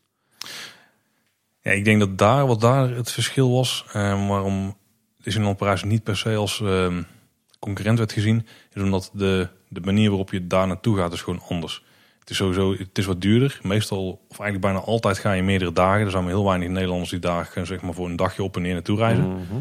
En eh, dat doe je bij de Efteling nog wel. Mhm. En dat doen mensen vanuit het buitenland misschien ook. Maar bij Disneyland Parijs, ook omdat er twee parken liggen, word je toch een beetje ja, voor je gevoel gedwongen om daar in de buurt te overnachten. Dat dat, vooral het verschil was wat hij daar eh, zag. Ja, en toch blijf ik erbij, als, ik- als ik kijk naar de gemiddelde Nederlander, ik denk echt dat de gemiddelde, gemiddelde Nederlander één keer per jaar naar de Efteling gaat. Of ja, ja, de, de, of de gemiddelde Brabander. En dat, dat er best wel veel mensen zijn die eens in de zoveel jaar een weekendje Disneyland Parijs doen. Maar ik geloof dat er bijna niemand is die toch zegt, we gaan een weekendje naar Europa Park. Nee, ik hoor ze wel steeds meer, maar er zijn wel allemaal mensen die ook regelmatig in de Efteling komen dan. Weet je wat ik denk dat trouwens ook een grote concurrent is voor bijvoorbeeld verblijfsrecreatie? Dat Safari Resort van de Beekse Bergen. Ik denk dat, dat, dat zulke soort initiatieven juist eh, geld en bezoekers afsnoepen van de Efteling. Ja, maar ik denk dat de mensen die... Het is een heel ander soort recreatie als je naar een safaripark gaat. En dat je dan, dan toevallig gaat slapen dan dat je naar de Efteling gaat. Ja, maar ik, denk dat je niet moet onderschatten hoeveel Brabantse gezinnen er een, eh, met familieweekend bijvoorbeeld een weekendje naar Bosrijk gaan. En die nu zeggen van weet je wat, we proberen eens een jaartje Safari Resort uit. Oh nee, dat zal wel echt gebeuren, ja. Maar ik denk niet dat de Efteling hoeft te klagen over de bezettingsgraad, omdat er wel Nee, Brabantse dat is in naar Bosrijk gaan. Maar Overigens eh, zei Fons ook dat zijn favoriete attractie Pirates of the Caribbean in eh, Shanghai Disneyland was. toch een eh, best wel scherm-heavy attractie. Ja. Ik eh, ben er zelf nog niet in geweest, dus. Nee, de onrides zien er wel echt heel goed uit. Wel weer de verontrustende trend om attracties te hebben met steeds minder animatronics erin. Tim. Ja. Maar degene die erin zitten zijn wel heel sterk. Ja. Maar het zijn dan weer steeds het is één hero animatronic in een, eh, in een scène en dat was het dan ook weer. Toch heb ik er liever wat meer die minder gedetailleerd zijn dan een paar die heel gedetailleerd zijn. Maar daar gaan we het een andere keer over hebben. Eh, verder zei Fons nog iets opvallends. Hij zei namelijk dat de Efteling zo min mogelijk mee wil, wil doen aan kortingsacties. Wat Ja, ik dat best knap vind. Want Nou, ik denk dat als je kijkt naar het aantal kortingsacties waar de Efteling aan meedoet, dat het al wel meevalt. Het zijn er in principe maar twee of drie per jaar, denk ik. Misschien vier. ja, je hebt Albert Heijn, AWB, Jumbo. Jumbo niet. Efteling doet niet mee aan Jumbo dagje uit actie. Nee, maar je zei Jumbo had toch vorig jaar... eh, Ja, dat was heel aan. kleinschalig. Ja, dat klopt. Ja, nee, zo, zoiets. Er zal Ja. vast wel eentje zijn die we niet vergeten. Maar goed, de Albert Heijn actie is natuurlijk al een enorme kortingsactie. Hè, qua Ja, is- aantallen en qua kortingbedrag. Vooral de aantallen die daarmee gemoeid zijn, die zijn indrukwekkend. Maar dat is vooral omdat heel veel mensen er gewoon gebruik van maken. Maar Ja. het is niet dat je ja, bij je pakje boter eh bij zegels krijgt voor korting op de Efteling of zo. Nee, klopt. Maar ik vond het toch een opvallende uitspraak. En wat hij ook nog zei was dat het verhaal achter Pardoes al meermaals op de nominatie stond om uitgebeeld te worden in een attractie. Ja, daar weet ook wel wat dingen van. Hè. Het Huis van Pardoes op de Brink is ooit zo'n plan Ja. geweest van Henny De Knut. sterrenkamer, ja. Ja, er zullen dus wel meer van die plannen zijn. Achterhof natuurlijk. Ja, uiteraard. Symbolica dan nu, ja. En toen iets heel interessants. Zo, dit was misschien wel voor mij de highlight. Ja, Tenminste, ja het meest opvallende. het komt nog uit op niks. Maar En het ging over het belang van openbaar vervoer. Ja, en vooral het punt dat de Efteling heel graag een eigen treinstation heeft. En daar, nou volgens mij zoals ik het een beetje proefde, bijna jaarlijks met de NS en over gesprek is. Ja. En het gewoon maar blijft pushen dat ze helemaal gek worden. In de hoop dat ze uiteindelijk een keer een Ja. spoorlijn gaan trekken. Hoe realistisch dat is, weet ik niet. Maar ze ondernemen wel in ieder geval actie. ja, ik vond het wel een hele bijzondere. Ik snap dat dit de grote wens van de Efteling was. Als de Efteling met trein bereikbaar is. Ja, dat is natuurlijk fantastisch voor je bereikbaarheid. En ook voor stikstofdepositie en dat soort dingen. Dat is echt een zegen. Dat zou echt subliem zijn. Eh, maar ik denk ook dat dit totaal niet realistisch is. Nee, het zou een spoortje zijn en een beetje op en neer rijden, denk ik. Tussen Tilburg en eh, de Efteling. Nou ja, weet je wat is? De NS investeert al bijna niet meer in nieuwe stations. Het is schijnbaar al een, al een crime. eh, dat je, je bent al tientallen jaren bezig om een nieuw station te krijgen. Ik geloof dat er hier eh, het station Tilburg Reeshof is geloof ik ook 30 jaar overheen gegaan of zo voordat dat er was. En het is dan nog op bestaande spoorlijnen. Maar hoe groot acht jij de kans dat er in 2019 nog een nieuwe spoorlijn wordt getrokken? Ik zie ook niet echt gebeuren dat NS het gaat doen, maar dat er bijvoorbeeld een, een tramverbinding wordt gemaakt. Net als vroeger. Daar Ja. zie ik dan wel meer kans in. Dat denk ik ook. Maar de gesprekken zijn nu echt met de NS. En ja, volgens mij eh, een beetje praatje pot of zo. Want ik geloof echt niet dat er ooit een reële kans gaat zijn dat hier een spoorlijn wordt aangelegd. Ik heb geen idee. Het zou een business case moeten zijn voor de NS, denk ik. Ja, maar joh, dat gaat honderden miljoenen kosten. En tientallen jaren voorbereidingstijd. Om nu in deze tijd een nieuwe spoorlijn aan te leggen in zo'n dichtbevolkt eh, gebied. Ja. Ja, vanaf station Tilburg is wel eh, interessant. Ja. Ik, eh, ja, dan denk ik nog eerder inderdaad aan een tram of een metroverbinding. Maar goed, die zijn ook onbetaalbaar en niet rendabel te krijgen. Nou, het is wel meerdere malen erover gegaan om een verbinding te maken met een manier van sporen Ja. of monorail tussen eh, Waalwijk en Tilburg. Zodat je de verbinding hebt tussen Tilburg en dan de haven in Waalwijk bijvoorbeeld. En het industrietrein daar. Ja. En Daar wat, zou- wat, wat daar nu van over is gebleven is de fietssnelweg. Hè? Ja, heel veel mensen met fietsjes op en neer laten. Dus misschien Met- gewoon heel veel leenfietsen bij, de, bij het station in Tilburg zetten. Ja. Met de e-bike eh, ben je dan ook snel. Mits je accu het doet. Ja, en een van de feitjes die er nog uit naar boven kwam... is dat de Efteling dus een kwart heeft mee geïnvesteerd in de F62 en de wisselstroken. Ja. Dat valt me eigenlijk nog wel mee. Of Ja, inderdaad. misschien Veel. Eh, er werd ook duidelijk dat die maximaal 11% bebouwing, dat het dus niet een keuze van de Efteling is, maar dat het gewoon een afspraak is met de gemeente. En ze gaven ook aan dat het bestuur van de Efteling eh, best vaak is gaan kijken op plekken elders in Nederland voor een tweede Efteling, maar dat eigenlijk nooit succesvol is geweest. En een van de redenen daarachter, en dat vond ik ook wel opvallend, is dat de Brabantse mentaliteit van het personeel van groot belang is voor het succes van de Efteling. Want die vriendelijkheid en dat Bourgondische en dat Brabantse, dat vind je verder nergens buiten Brabant. Ik zou het ook heel vreemd vinden om nog een tweede Efteling binnen Nederland te starten. Ja, dat zou ik ook recht lichtelijk bizar vinden. Ja. Maar dat is niet meer aan de orde volgens mij. Nee, want inderdaad, de, fonds zijn nog wat. Namelijk dat de uitbreidingen en ontwikkelingen altijd ten dienste moeten gaan staan, eh, moeten staan van het park in Kaatsheuvel. En dat horen we graag. Hè?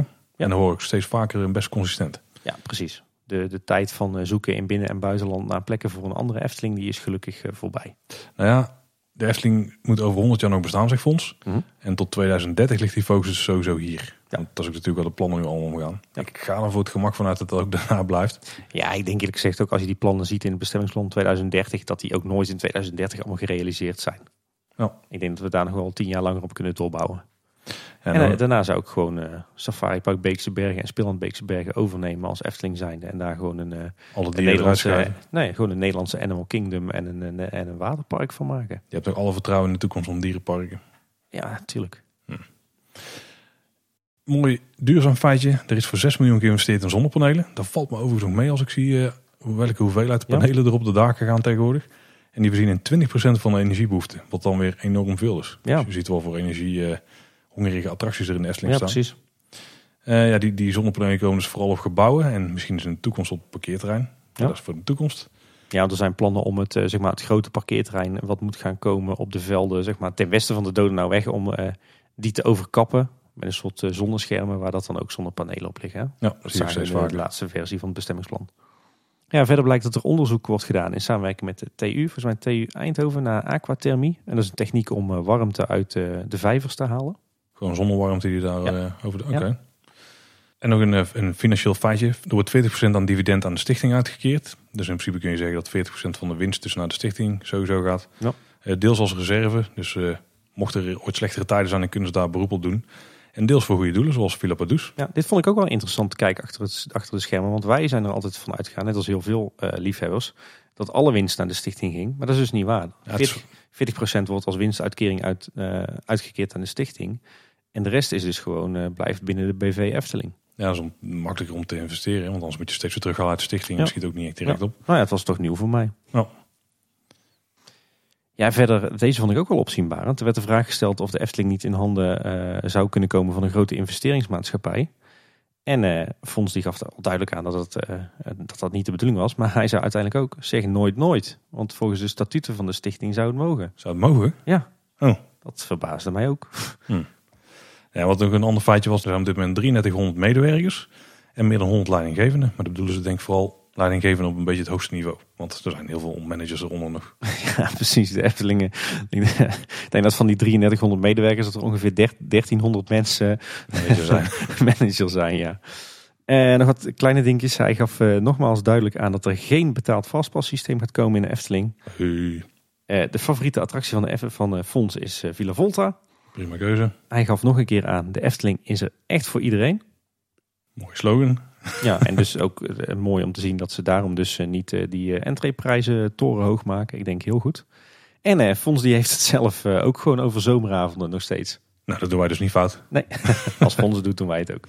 Volgens mij doet het half Nederland dan. Ja. Hey, zullen we het onderuit induiken? Eh, niet al te veel onderhoudsnieuws. eh, dankzij het feit natuurlijk dat we richting het zomerseizoen gaan. Ik heb nog wel even gekeken naar het asfalt in het park. Eh, vind ik dan weer heel interessant vanuit mijn werk. De vorige keer konden we al melden dat er, dat er wat plekken in het Ruigrijk waren waar wat asfalt was vervangen. Ik heb nu gezien dat er eigenlijk een heel aantal plekken in Anderrijk, Ruigrijk en Reizenrijk zijn. waar het asfalt is gerepareerd en vervangen. Waarschijnlijk is dat gewoon één gecombineerde actie geweest met die bouwinrit voor Max en Moritz. De, de bouwverkeerroute door het Anderrijk en het bouwterrein van Max en Moritz. Maar het viel mij wel op dat het echt heel plaatselijk is gebeurd. Volgens mij hebben ze echt eh, alleen maar de allerslechtste plekken in het asfalt eh, aangepakt. Eh, want tussen al die, die vlekjes nieuw asfalt zit, zit ook nog allerlei oud asfalt met scheuren en dergelijke. Dus ze hebben echt alleen de slechtste plekken aangepakt. In het Maanrijk is niks gebeurd. Maar het viel mij wel op dat er in verschillende paden die er ook slecht aan toe zijn, dat er wel asfaltboringen zijn gezet. Dus dat lijkt erop dat, dat er wel in de nabije toekomst daar ook om het asfalt gaat gebeuren. Een keer een deel afschrapen en dan er opnieuw een eh, laag overheen dragen. deklaag, ja. Ja. Overigens, de kwaliteit van asfalt vond ik wel een aandachtspuntje. Eh, normaal gesproken ben ik namelijk gewend dat je de naden tussen oud en nieuw, vest, eh, oud en nieuw asfalt, dat je die sealt. Dus dan gooi je een soort vloeibare bitumen in. Eh, zodat die, die, je daar geen openstaande rand hebt. Anders, zegt het. anders, ga, anders heb je het risico dat, dat juist op die overgang van oud naar nieuw asfalt, dat die daar gaat brokkelen. Mhm. Nou, daar zie je niet afgeseeld. En ik heb het idee dat het asfaltmengsel eh, is ontmengd. Want eh, ja, asfalt bestaat zeg maar, uit allerlei soorten grote en kleine kiezeltjes vermengd met bitumen. Zeg maar die zwarte prut, zeg maar. Doelie.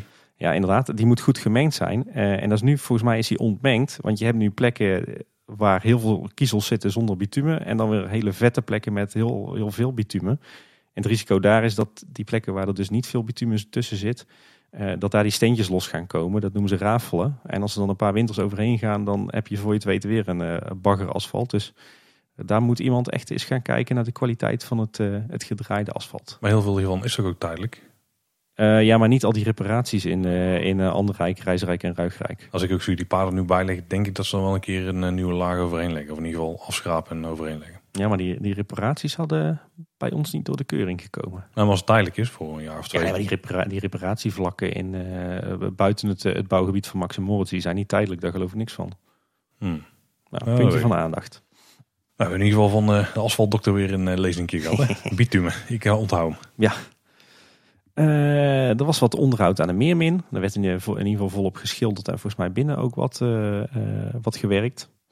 Eh, het viel een aantal luisteraars en mijzelf trouwens ook op dat de bel van het leerhuis eh, stil is. Zou het misschien zijn omdat die, de Efteling nu langer open is in de avond en dat hij dan gewoon dan niet aanstaat, dat die mensen in de buurt daar last van hebben? Zou kunnen, want ik weet wel dat je die bel echt in half kaatsheuvel kunt horen. dat is wel heel leuk. Maar ik had zelf het idee dat het touwtje gewoon te strak staat. Oh, hij- de laaf of de, de lummel die trekt wel zeg maar, aan een touwtje, maar eh, de, de klepel die zit al tegen de bel aan, zeg maar. Dan gaat dat niet werken, nee. nee. Eh, verder waren er oplettende luisteraars die viel het op dat eh, de grote letters van de lichtmasten eh, van het hoofdparkeerterrein zijn verdwenen.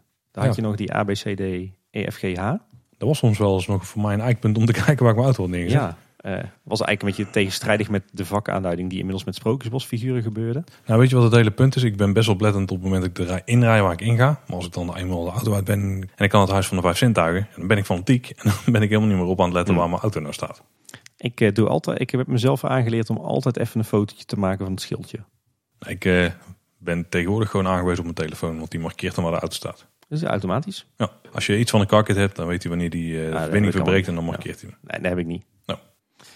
Ehm, en verder hadden we het de vorige keer erover dat er wat nieuwe voedingskabels werden getrokken rond de Oost. En inmiddels weten we ook waarom. Want eh, de hongerige machinist, de, de frietent daar, waar jij nogal een groot fan van bent, Paul. eh, die is flink verbouwd en die is eh, gasloos gemaakt. Ja, dat is een goede ontwikkeling. Dus Hè? er wordt e- elektrisch gefrituurd nu. Ja, dat is, En vandaar ook de, de nieuwe voedingskabel. als je bakt op gas, dan heb je nog steeds geen, er komt geen stikstof vrij. Nee. Wel CO2. Ja. Dat is dan weer goed. Ja. Ja, en Inca Gijs die is tijdelijk buiten werking, want er is een eh, verstoppingsprobleem. Een stalen rooster eh, zit op dit moment in de mond, dus eh, daar kun je niks instoppen. Nee, die is echt helemaal dichtgemonteerd. Ja, het zal uiteindelijk Beetje wel... gemelkorfd eigenlijk, hè? Nou, het valt me trouwens de laatste tijd op dat er sowieso heel veel gijzen gewoon echt dichtgepropt worden door de bezoekers. Ja. Dus ook eh Boekenier Gijs heeft er wel last van. En maar ook gewoon andere gijzen in het... Ja, ik, wat er aan de hand is geloof dat de oude generatie gijzen, die heeft een bepaalde diameter eh, die altijd heeft gewerkt. Ehm, alleen het afval wordt steeds groter, de petflessen en de koffiebekers en zo. De nieuwe generatie gijzen, bijvoorbeeld uh, tweelinggijs op het, eh, bij de smulpaap en babygijs, die hebben grotere, een grotere mond. En ook buizen met een grotere diameter die, die flauwere bochten maakt. Waardoor dat die niet meer zo snel verstoppen. Maar blijkbaar de oude gijzen die verstoppen zo vaak dat ze nu dan maar hebben gezegd van maak hem dan maar dicht. Want anders dan staan we vier keer op een dag dat ding te ontstoppen. Dus ik denk dat, eh, dat in ieder geval Inca gijs een soort van restyle moet krijgen. Waarbij het hele binnenwerk wordt vervangen. Maar gezien het feit dat eh, ze nu dus een stalen rooster in zijn mond hebben gemonteerd. lijkt het erop dat dat voorlopig toch niet gaat gebeuren. Hm. Jammer, heel jammer. dan zo moet je zonder Inca Gijs. Ja. En we kregen nu een mailtje van JW. Hoi Paul en Tim, dank voor de leuke en informatieve podcast elke week over de Efteling. Ga zo door. Ik vroeg me af of het jullie ook was opgevallen dat sinds de opknapbeurt van Carnaval Festival de zon niet meer draait. Deze is te vinden tussen België en Frankrijk.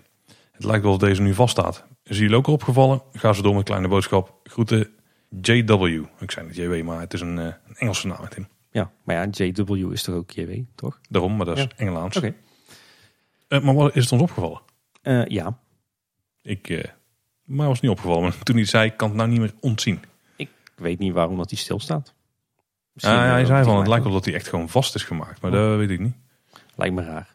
Laten we hopen dat het een storingje is. En dan inderdaad al kort nieuws. Er zijn wat eh, YouTube-updates. Ja. Ik heb mezelf niet heel goed ingekeken, Tim. Ik deze keer wel. Ik Nou, heb nog vertel. 688 eh, vlogs te kijken van een aantal van onze collega's. Eh, maar eh, hier heb ik even tijd voor gemaakt. Eh, aflevering 1 van Efteling Droomklus staat online. Dat ging naar aanleiding van die actie vorig jaar dat je Mhm. eh, je kon inschrijven om drakentandenpoetser eh, te worden. Eh, ik heb hem gekeken.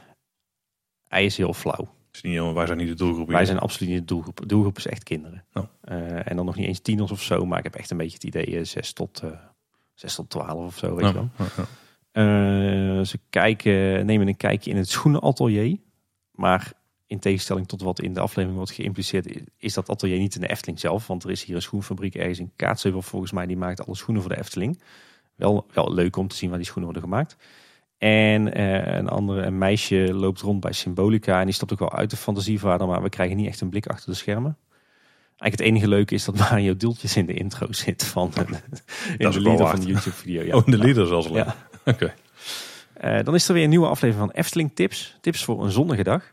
Zeg, je had er gewoon al onze concepten. Ja, precies. Die hebben we ook al een keer gemaakt. Eh, ja, waar gaat het over? Ze raden onder andere alle waterattracties aan. Nou, dat is een vrij Open deur. algemene Ja. opsomming.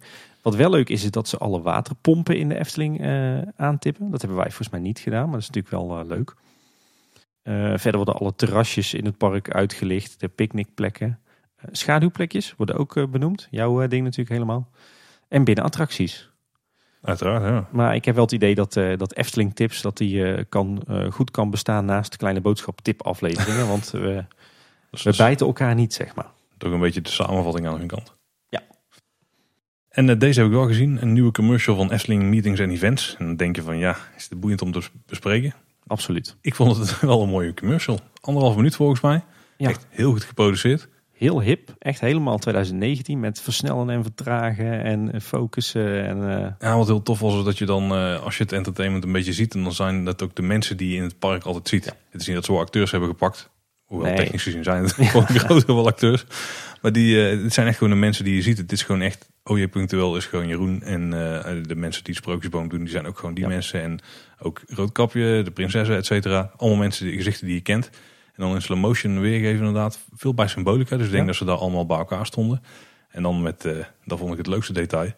Een hele toffe bewerking van heel veel muziekstukken uit de Efteling. ja, en het is een soort compilatie die dan weer is geremixed. Ja, maar ook best wel subtiel. Ja. Het is niet dat het super in je face bepaalde melodieën zijn, maar dan denk je, hè, die ken ik, maar die klopt er helemaal niet. En dan vallen er heel veel kwartjes, ook Ja. best wel snel hoor, maar het is heel, eh, heel tof. En er zit echt een hele vette beat, eh, hele vette bas onder ook. Hè?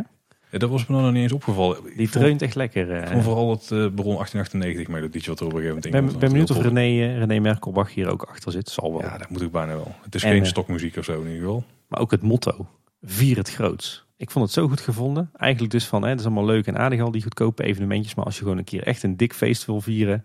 Bam, naar de Hier Efteling. kan het, Ja. dat vond ik wel echt tof. Ik, het was een totaal nieuwe stijl, vond ik, voor een Efteling commercial. Qua, qua hipheid en eh, hoe de beelden en het geluid. Maar ik had, eh, ik had kippenvel. En dat is toch altijd wel een, eh, een mooie, mooie teken aan de wand dat het wel echt iets doet. Ik denk dat het wel vooral de stijl is bij events zullen aan, Ja. wel aanhouden. Ja. Zal dit, niet, dit zullen we niet voor het park eh, zien. Ik kreeg bijna zin in Chesto Noora. Bijna. We zagen ook een berichtje langskomen van Robin Verkissen. Iemand die de nieuwe enquête voor de Wijsneus heeft gezien. Er wordt gevraagd naar ideeën van kinderen over nieuwe souvenirs. Van welk Efteling karakter wil jij souvenirs kopen? Wat voor een cadeau krijg je graag, et cetera.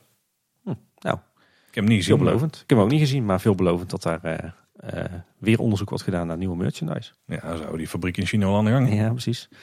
Eh, de vorige keer hadden we het al over de, het feit dat de, de hele situatie in de minaret van de Fata Morgana goed was geregeld nu. Bij de, de ingang voor gewone bezoekers en de ingang voor minder valide. En er staan nu ook twee hele mooie thematische bordjes bij. Nou, mooi. En vanaf 11 juli zijn er nieuwe lekkernijen bij de Vrolijke Noot. Ja, ja. Ja. Meer warme pasta's, huisgemaakte burritos in een bowl met diverse toppings. Ik weet, dat is- kan ik me niet helemaal iets voor voorstellen, maar dan hebben ze gewoon meer in een schaal en dan gooien ze er iets overheen.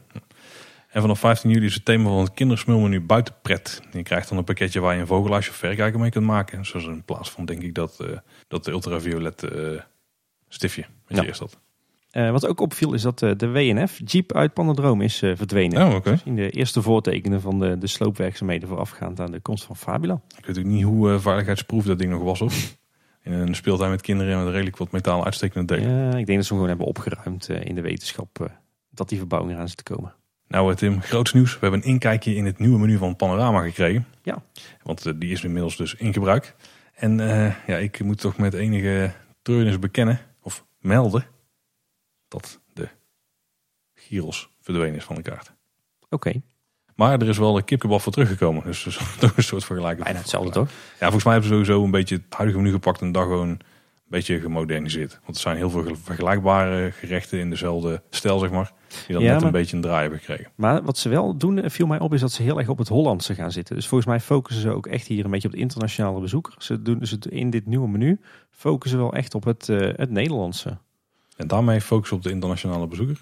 Ja, in die zin, er, er, wordt wel echt uitgevent van ga hier eten als je typisch Nederlands wil eten. Dat gevoel krijg ik erbij. Ja, niet bij alle gerechten. Maar de- Nee, maar de- volgens mij zijn er een aantal, de, de Hollandse lakenvelder biefstuk bijvoorbeeld. Ja, wat er verder, verder nog wat, eh, de wrap gerookte zalm, garnalen kroketjes. Hollandse uitsmijter inderdaad. Ja, wat zitten er nog verder nog van lekkere dingen tussen. Verder een beetje wat we al hadden. Eh ijspetitvoertjes komen er. Een eh, mini grand dessert en een appeldessert. Ben ik wel benieuwd naar. Ze gaan er nu ook speciale koffie schenken. Dat is niet goed voor mijn portemonnee. En eh borrelhapjes hadden ze volgens mij ook al. Hè? Ja, boven vooral. Hè. Ja, trouwens, deze hadden ze inderdaad al. Ambachtelijk brood, bitterballen en nachos. Ja, er is wat getweakt aan het menu. Ik, ik ben over het algemeen wel positief. Nou. Ik ben wel benieuwd naar die Hollandse lakenvel biefstuk en die Hollandse uitsmijter eigenlijk. En dus de dessert. Ik moet die kipkebab checken. Ja. Hey, de nieuwe wonder is inmiddels op de mat gevallen. Ja, ik heb er inmiddels alweer eh, drie bemachtigd via allerlei kanalen. Nou, jij moet een meervoud hebben. Eh, eh, niet per se, maar die komen inmiddels naar mij toe. Of zo. Oh ja, ik denk misschien heb jij verschillende locaties waar je jouw collectie eh, beheert. Zodat als er eentje afbrandt, dat je altijd nog een ander hebt. Ga dat nou niet jinxen. Oké. maar er stonden wel interessante dingen, hè? Ja, er was een, een, een dubbele pagina met facts en figures over de Vliegende Hollander. En daar viel mij op dat er in werd gesproken over dat er een podcast zou zijn geweest met verhalen over de makers ten tijde van de bouw. En ik kan mij daar dus niks meer van herinneren. Is die aan ons voorbij gegaan? Gewoon? Of Ja, ik weet het niet. heb Dat ik een keer jou een vraag gesteld of zo? Nee, ja. Die niet Misschien, misschien is het een aanmoediging. Misschien moeten wij een keer een, eh, een aflevering gaan maken over eh, de bouw van de Vliegende Hollander. Ja, daar staan we helemaal voor open. Dan denk ik dat ik wel een probleem met mijn contract heb. Oh. Nee, dat doen we natuurlijk niet. Maar het is natuurlijk wel destijds een making-of geschoten. Hè? Misschien dat daarop werd gedoeld. Ja, zou best kunnen. De onderhoud van Carnaval Festival, daar ging het over. Wat Heel- heel tof schermfoto's. Ja. Misschien wel het, eh, het, het, het, mooiste artikel om te lezen, denk ik. Mooie foto's van al die poppen. ja, die van Fabula was ook oké. Ja, het viel me op dat er, eh, dat er nu toch werd gezegd dat de oude poppen gemaakt waren van papier maché. Terwijl ik altijd het gevoel had dat het gewoon schuim was met, met, met een, een, een, een polyesterpapje eroverheen of zo. Eh, en dat de nieuwe poppen wel degelijk van polyester zijn gemaakt, maar dat ze de structuur zo hebben gemaakt dat die op papier maché lijkt. Ja, veel onderzoek ik ook wel tof. En eh, verder zijn er dus ook nu toch wat de nieuwe fellere kleuren gebruikt. En eh, oh, leuke foto's. Ja, er was ook een interviewtje met Fons. En daarin kon hij toch weer niet laten om het lelijke eentje aan te halen. Als favoriete sprookje die ooit nog in het bos ziet eh, verschijnen. Ja, hij loopt via alle mogelijke kanten druk te zetten op de ontwerpafdeling. Ja, heel mooi. Eh, en ja, misschien wel toch wel het, in ieder geval het interessantste artikel voor, eh, Ja, voor ons ging over Fabula. Nou, in het restaurant daar komt een nieuw kassasysteem. En dan kun je dus ook iets bestellen. Dat je zo'n buzzer mee krijgt. Gewoon kunt gaan zitten. En die gaat dan af zodra je eten kunt afhalen. Ja. Heel relaxed. Ja, inderdaad. Eh, de koffiebar en de souvenirwinkel wordt één geheel. Dat kon we al een beetje zien. hè, Want er leek een bar in de Ja. souvenirwinkel te staan. In de concept art. Beetje zoals bij de kapper, denk ik dan. Hè? Ja, bij de barbier. Ja. Het eh, ontwerpteam daar heeft zelf het script geschreven. En daar waren ze in juni 2018 mee gestart. Ja, dat vond ik wel opvallend. Want we hebben het daar zelf eerder over gehad. Van, eh, in, in eerdere uitingen stond dat er eh, een echte samenwerking was tussen het ontwerpteam van de Efteling en het team van Aardman. En toen hadden wij de discussie van hoe ver zou dat dan gaan. Maar het blijkt dus dat het, het ontwerpteam van de Efteling zelf het script heeft geschreven. Ja, maar dat wil niet zeggen dat Aardman er geen bewerking meer op heeft Nee, gedaan. oké. Er zal daarna Ja. vast wel wat collaboratie zijn geweest. Goed Nederlands. En het, wat we ja, toch wel een soort van wisten. René Merkelbach die maakte muziek. Ja. En de thematisering van het restaurant, dat wordt werelds. En daar ben ik wel blij mee. Want ook de gerechten lijken werelds te worden. Volgens Ja, mij gaan ze klopt. uit de Indiase keuken en Ja. uit de Afrikaanse keuken daar gerechten serveren. Ja, en dan gaat er eindelijk die eh, vrij lelijke thematisering, eh, een beetje die onderwaterwereld gaat ook weg. Hè? Dat is verder prima denk ik. Hè? Ja, verder komt er nieuwe techniek in de projectieruimte. Er komt een laserprojector. Mooi. Ehm, alle speakers worden vervangen. Volgens mij krijgen we het Dolby Atmos. Volgens mij krijgen we het nieuwste geluidssysteem wat je ook in de bioscoop hebt. Oké, nou Zo cool. kon ik het lezen. Ja. Eh, het hele gebouw krijgt aan de binnenkant een opknapbeurt. Dat is wel bijzonder. Vond ik mooi om te lezen. Ja. Ik ben benieuwd wat er met die eerste eh, voorshowruimte gaat gebeuren. En wat er met de dierenwereld gaat gebeuren. Het, eh, de attractie zelf gaat vier weken dicht, maar het restaurant gaat twee weken langer dicht. Dus zes weken in totaal. Ja, er zit ook de dierenwereld erbij dan. Hè? Ja. Dus dat is op zich gunstig. Twee Ja. weken extra. En eh, eigenlijk het, eh, het ontwerpteam benadrukt iedere keer weer dat het vooral eh, heel veel humor gaat worden. Ja, volgens mij moet er avontuur beleefd Ja, worden. in plaats van het wijzende vingertje. Dus Allemaal prima denk oh, ik. positief. Verder was er ook nog in de wonder een, een heel leuk artikel over de opstart van de pagode. Iedere ochtend. Hele toffe foto's van alle techniek. En wat opvallende dingen. de, de arm van de pagode die blijkt helemaal hol te zijn. Voor inspecties. De pagode heeft natuurlijk twee cilinders. Maar hij kan in theorie ook op één cilinder omlaag als dat zou moeten. En wat ik eigenlijk wel wist, maar wat leuk was om nu openbaar te zien, is dat er een dieselmotor is die in geval van stroomuitval en bij nood de pagode omlaag kan dieselen. Ja, en wat er ook nog in stond was een ode aan de Bob. Maar die gaan we nog wel meer horen in de toekomst, denk ik. Ja. Ik ga zorgen dat ik er nog een paar keer in ga de komende weken. Huiswerk. Uh, er is een nieuw effect bij het wasvraatje in het Kabouterdorp. Er komen voortaan zeepbelletjes omhoog uit het water. Of in ieder geval rondom het water. Ja, heel tof. En uh, ook wel opvallend nieuws. Uh, de Efteling heeft de boot ontworpen van de stichting Meer dan Gewenst. Voor de Kennel Pride 2019. en het thema is wij schrijven geschiedenis, onze kinderen de toekomst. En het wordt een sprookjesachtige boot vol boeken en verhalen. er komen 35 kinderen aan boord. En de Efteling zag een logische match en is trots op de samenwerking. Want de Efteling is een plek voor iedereen. Is weer. Ja. En ik vond dit toch wel echt heel, heel, heel, heel, heel erg tof. Ja. Uh, als je ziet hoe andere parken, ik noem een Disney, hoe halfslachtig die eigenlijk omgaan met uh, de, de LGBT-community. Enerzijds wel uh, meeliften op allerlei events met merchandise en zo. Maar anderzijds niet zelf officiële events willen organiseren. Want oh jee, dan vallen er weer mensen over ons. Mhm. Ik vind het heel mooi dat de Efteling hier gewoon zegt, wij staan ook voor de LGBT-community. En nou ja, ik ik weet dat er ook best wel mensen in mijn vriendengroep zijn die, uh, die inderdaad ook uh, uh, ja, in die hoek zitten, zo gezegd. en, en die ook een kinderwens hebben. En ja, die ook echt wel heel blij hiervan worden. En ik ben ook wel trots op onze Efteling dat ze dit statement maken. Echt heel, heel, heel, heel goed. Ja, zeker, zeker helemaal eens. er is natuurlijk een nieuwtje in de Efteling-app. En je kunt er voortaan in zien welke shows bezig zijn op dit moment. Ja. Dus welke eraan kwamen kon je al zien, maar nu ook welke echt bezig zijn. Verder was er eh, pas geleden een heel klein bermbrandje bij Station de Oost. In het uh, taluut eigenlijk. Of de, ja, zeg maar de aardewol tussen het Ruigrijk en, en de Oude Horst. En die was eigenlijk al geblust door het Efteling personeel voordat de, de brandweer van Kaatsheuvel eraan kwam. Ze zijn goed getraind hè? Ja, dus allemaal één pot nat, want het zijn dezelfde mensen tegenwoordig. Er zijn een berg vacatures Tim. Ja, een paar interessante. Ze zoeken een account manager giftcards en licensing. Efteling giftcards. Oké. Een procescontroller, dus dat is financieel. Een specialist salarisadministratie. Ehm, een hele leuke, een communicatiespecialist.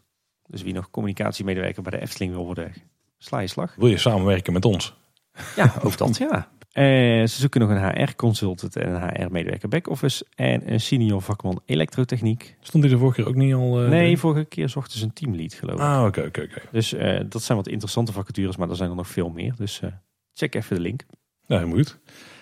Nou, dat was je dan weer voor deze week. Ja. Heb je nou vragen, opmerkingen? Wil je zelf iets eh, kwijt aan ons? Nou, dat kan op heel veel manieren bij ons komen. Postduif uh, is niet zo heel praktisch. Nee, Daarom hebben ze ook eh, andere social media kanalen bijvoorbeeld uitgevonden. Ja, we zijn te bereiken via onze website kleineboodschap.com. Daar vind je het contactformulier. En je kan ook altijd een mailtje sturen naar info.kleineboodschap.com. Of je kunt naar ons tweeten. We zijn @kboodschap op Twitter. Of je kunt via Facebook en Instagram ons volgen via Kleine Boodschap en dan bericht sturen. Ja, en uh, over niet al te lange tijd dan uh, hebben we weer een bonusaflevering uh, klaarstaan voor jullie met onze uitgebreide reacties op, jullie, op jullie vragen. Dus wees niet bevreesd, we gaan er weer een heel aantal behandelen. We, we hebben ze eigenlijk al behandeld, maar we moeten nog even kijken wanneer we hem uitbrengen. Ja, Paul. Blijf nog even hangen aan onze houders, want er komt nog het fragmentje van Radio 2, wat in me zat. Ja, je mag ook dan voor die tijd gewoon stoppen als je dat niet boeiend vindt hoor. Ik zou doorluisteren, hartstikke interessant. En dat was het weer voor deze week. Tot de volgende keer en houdoe. Houdoe waar. Ja, we zijn allemaal uh, verzamelaars hier op deze kleine aardkloot. En uh, zeker in Nederland kunnen we er wat van. Uh, Tim Hins is er ook eentje van. hij is niet alleen verzamelaar, maar ook fan van het mooiste pretpark van Kaatsheuvel. Dat is ook niet zo heel moeilijk, want er staat er maar één in Kaatsheuvel. maar dat is natuurlijk de Efteling. En Tim die is zo groot fan dat hij zelfs een podcast is begonnen over zijn favoriete pretpark. Goedemorgen Tim. Goedemorgen. Goedemorgen. Waar is het allemaal begonnen? Uh, nou, heel lang geleden, in 1991. Toen was ik een, uh, een vijfjarig jongetje en uh, kreeg ik mijn eerste Efteling abonnement. En sindsdien ga ik eigenlijk minstens één keer per week naar de Efteling. Eén keer per week ga jij naar de Efteling? Minstens? Dus het gebeurt ook nog wel eens dat je vaker gaat? Jazeker. Wauw. En ben je het helemaal nooit zat dan? Nee, eigenlijk niet. Nee. je moet het gewoon zo zien wat, wat voor iemand in Amsterdam het Vondelpark is. eh, is voor ons de Efteling. Dus je gaat er gewoon lekker naartoe met vrienden of je gezinnetje. Ja. Bakje koffie drinken, een beetje rondlopen, een beetje mensen kijken en eh, gewoon een leuke tijd hebben. ja, en dan hoor je keer op keer weer eh, dit. En dan eh, gaat jouw hartje sneller kloppen. Jazeker.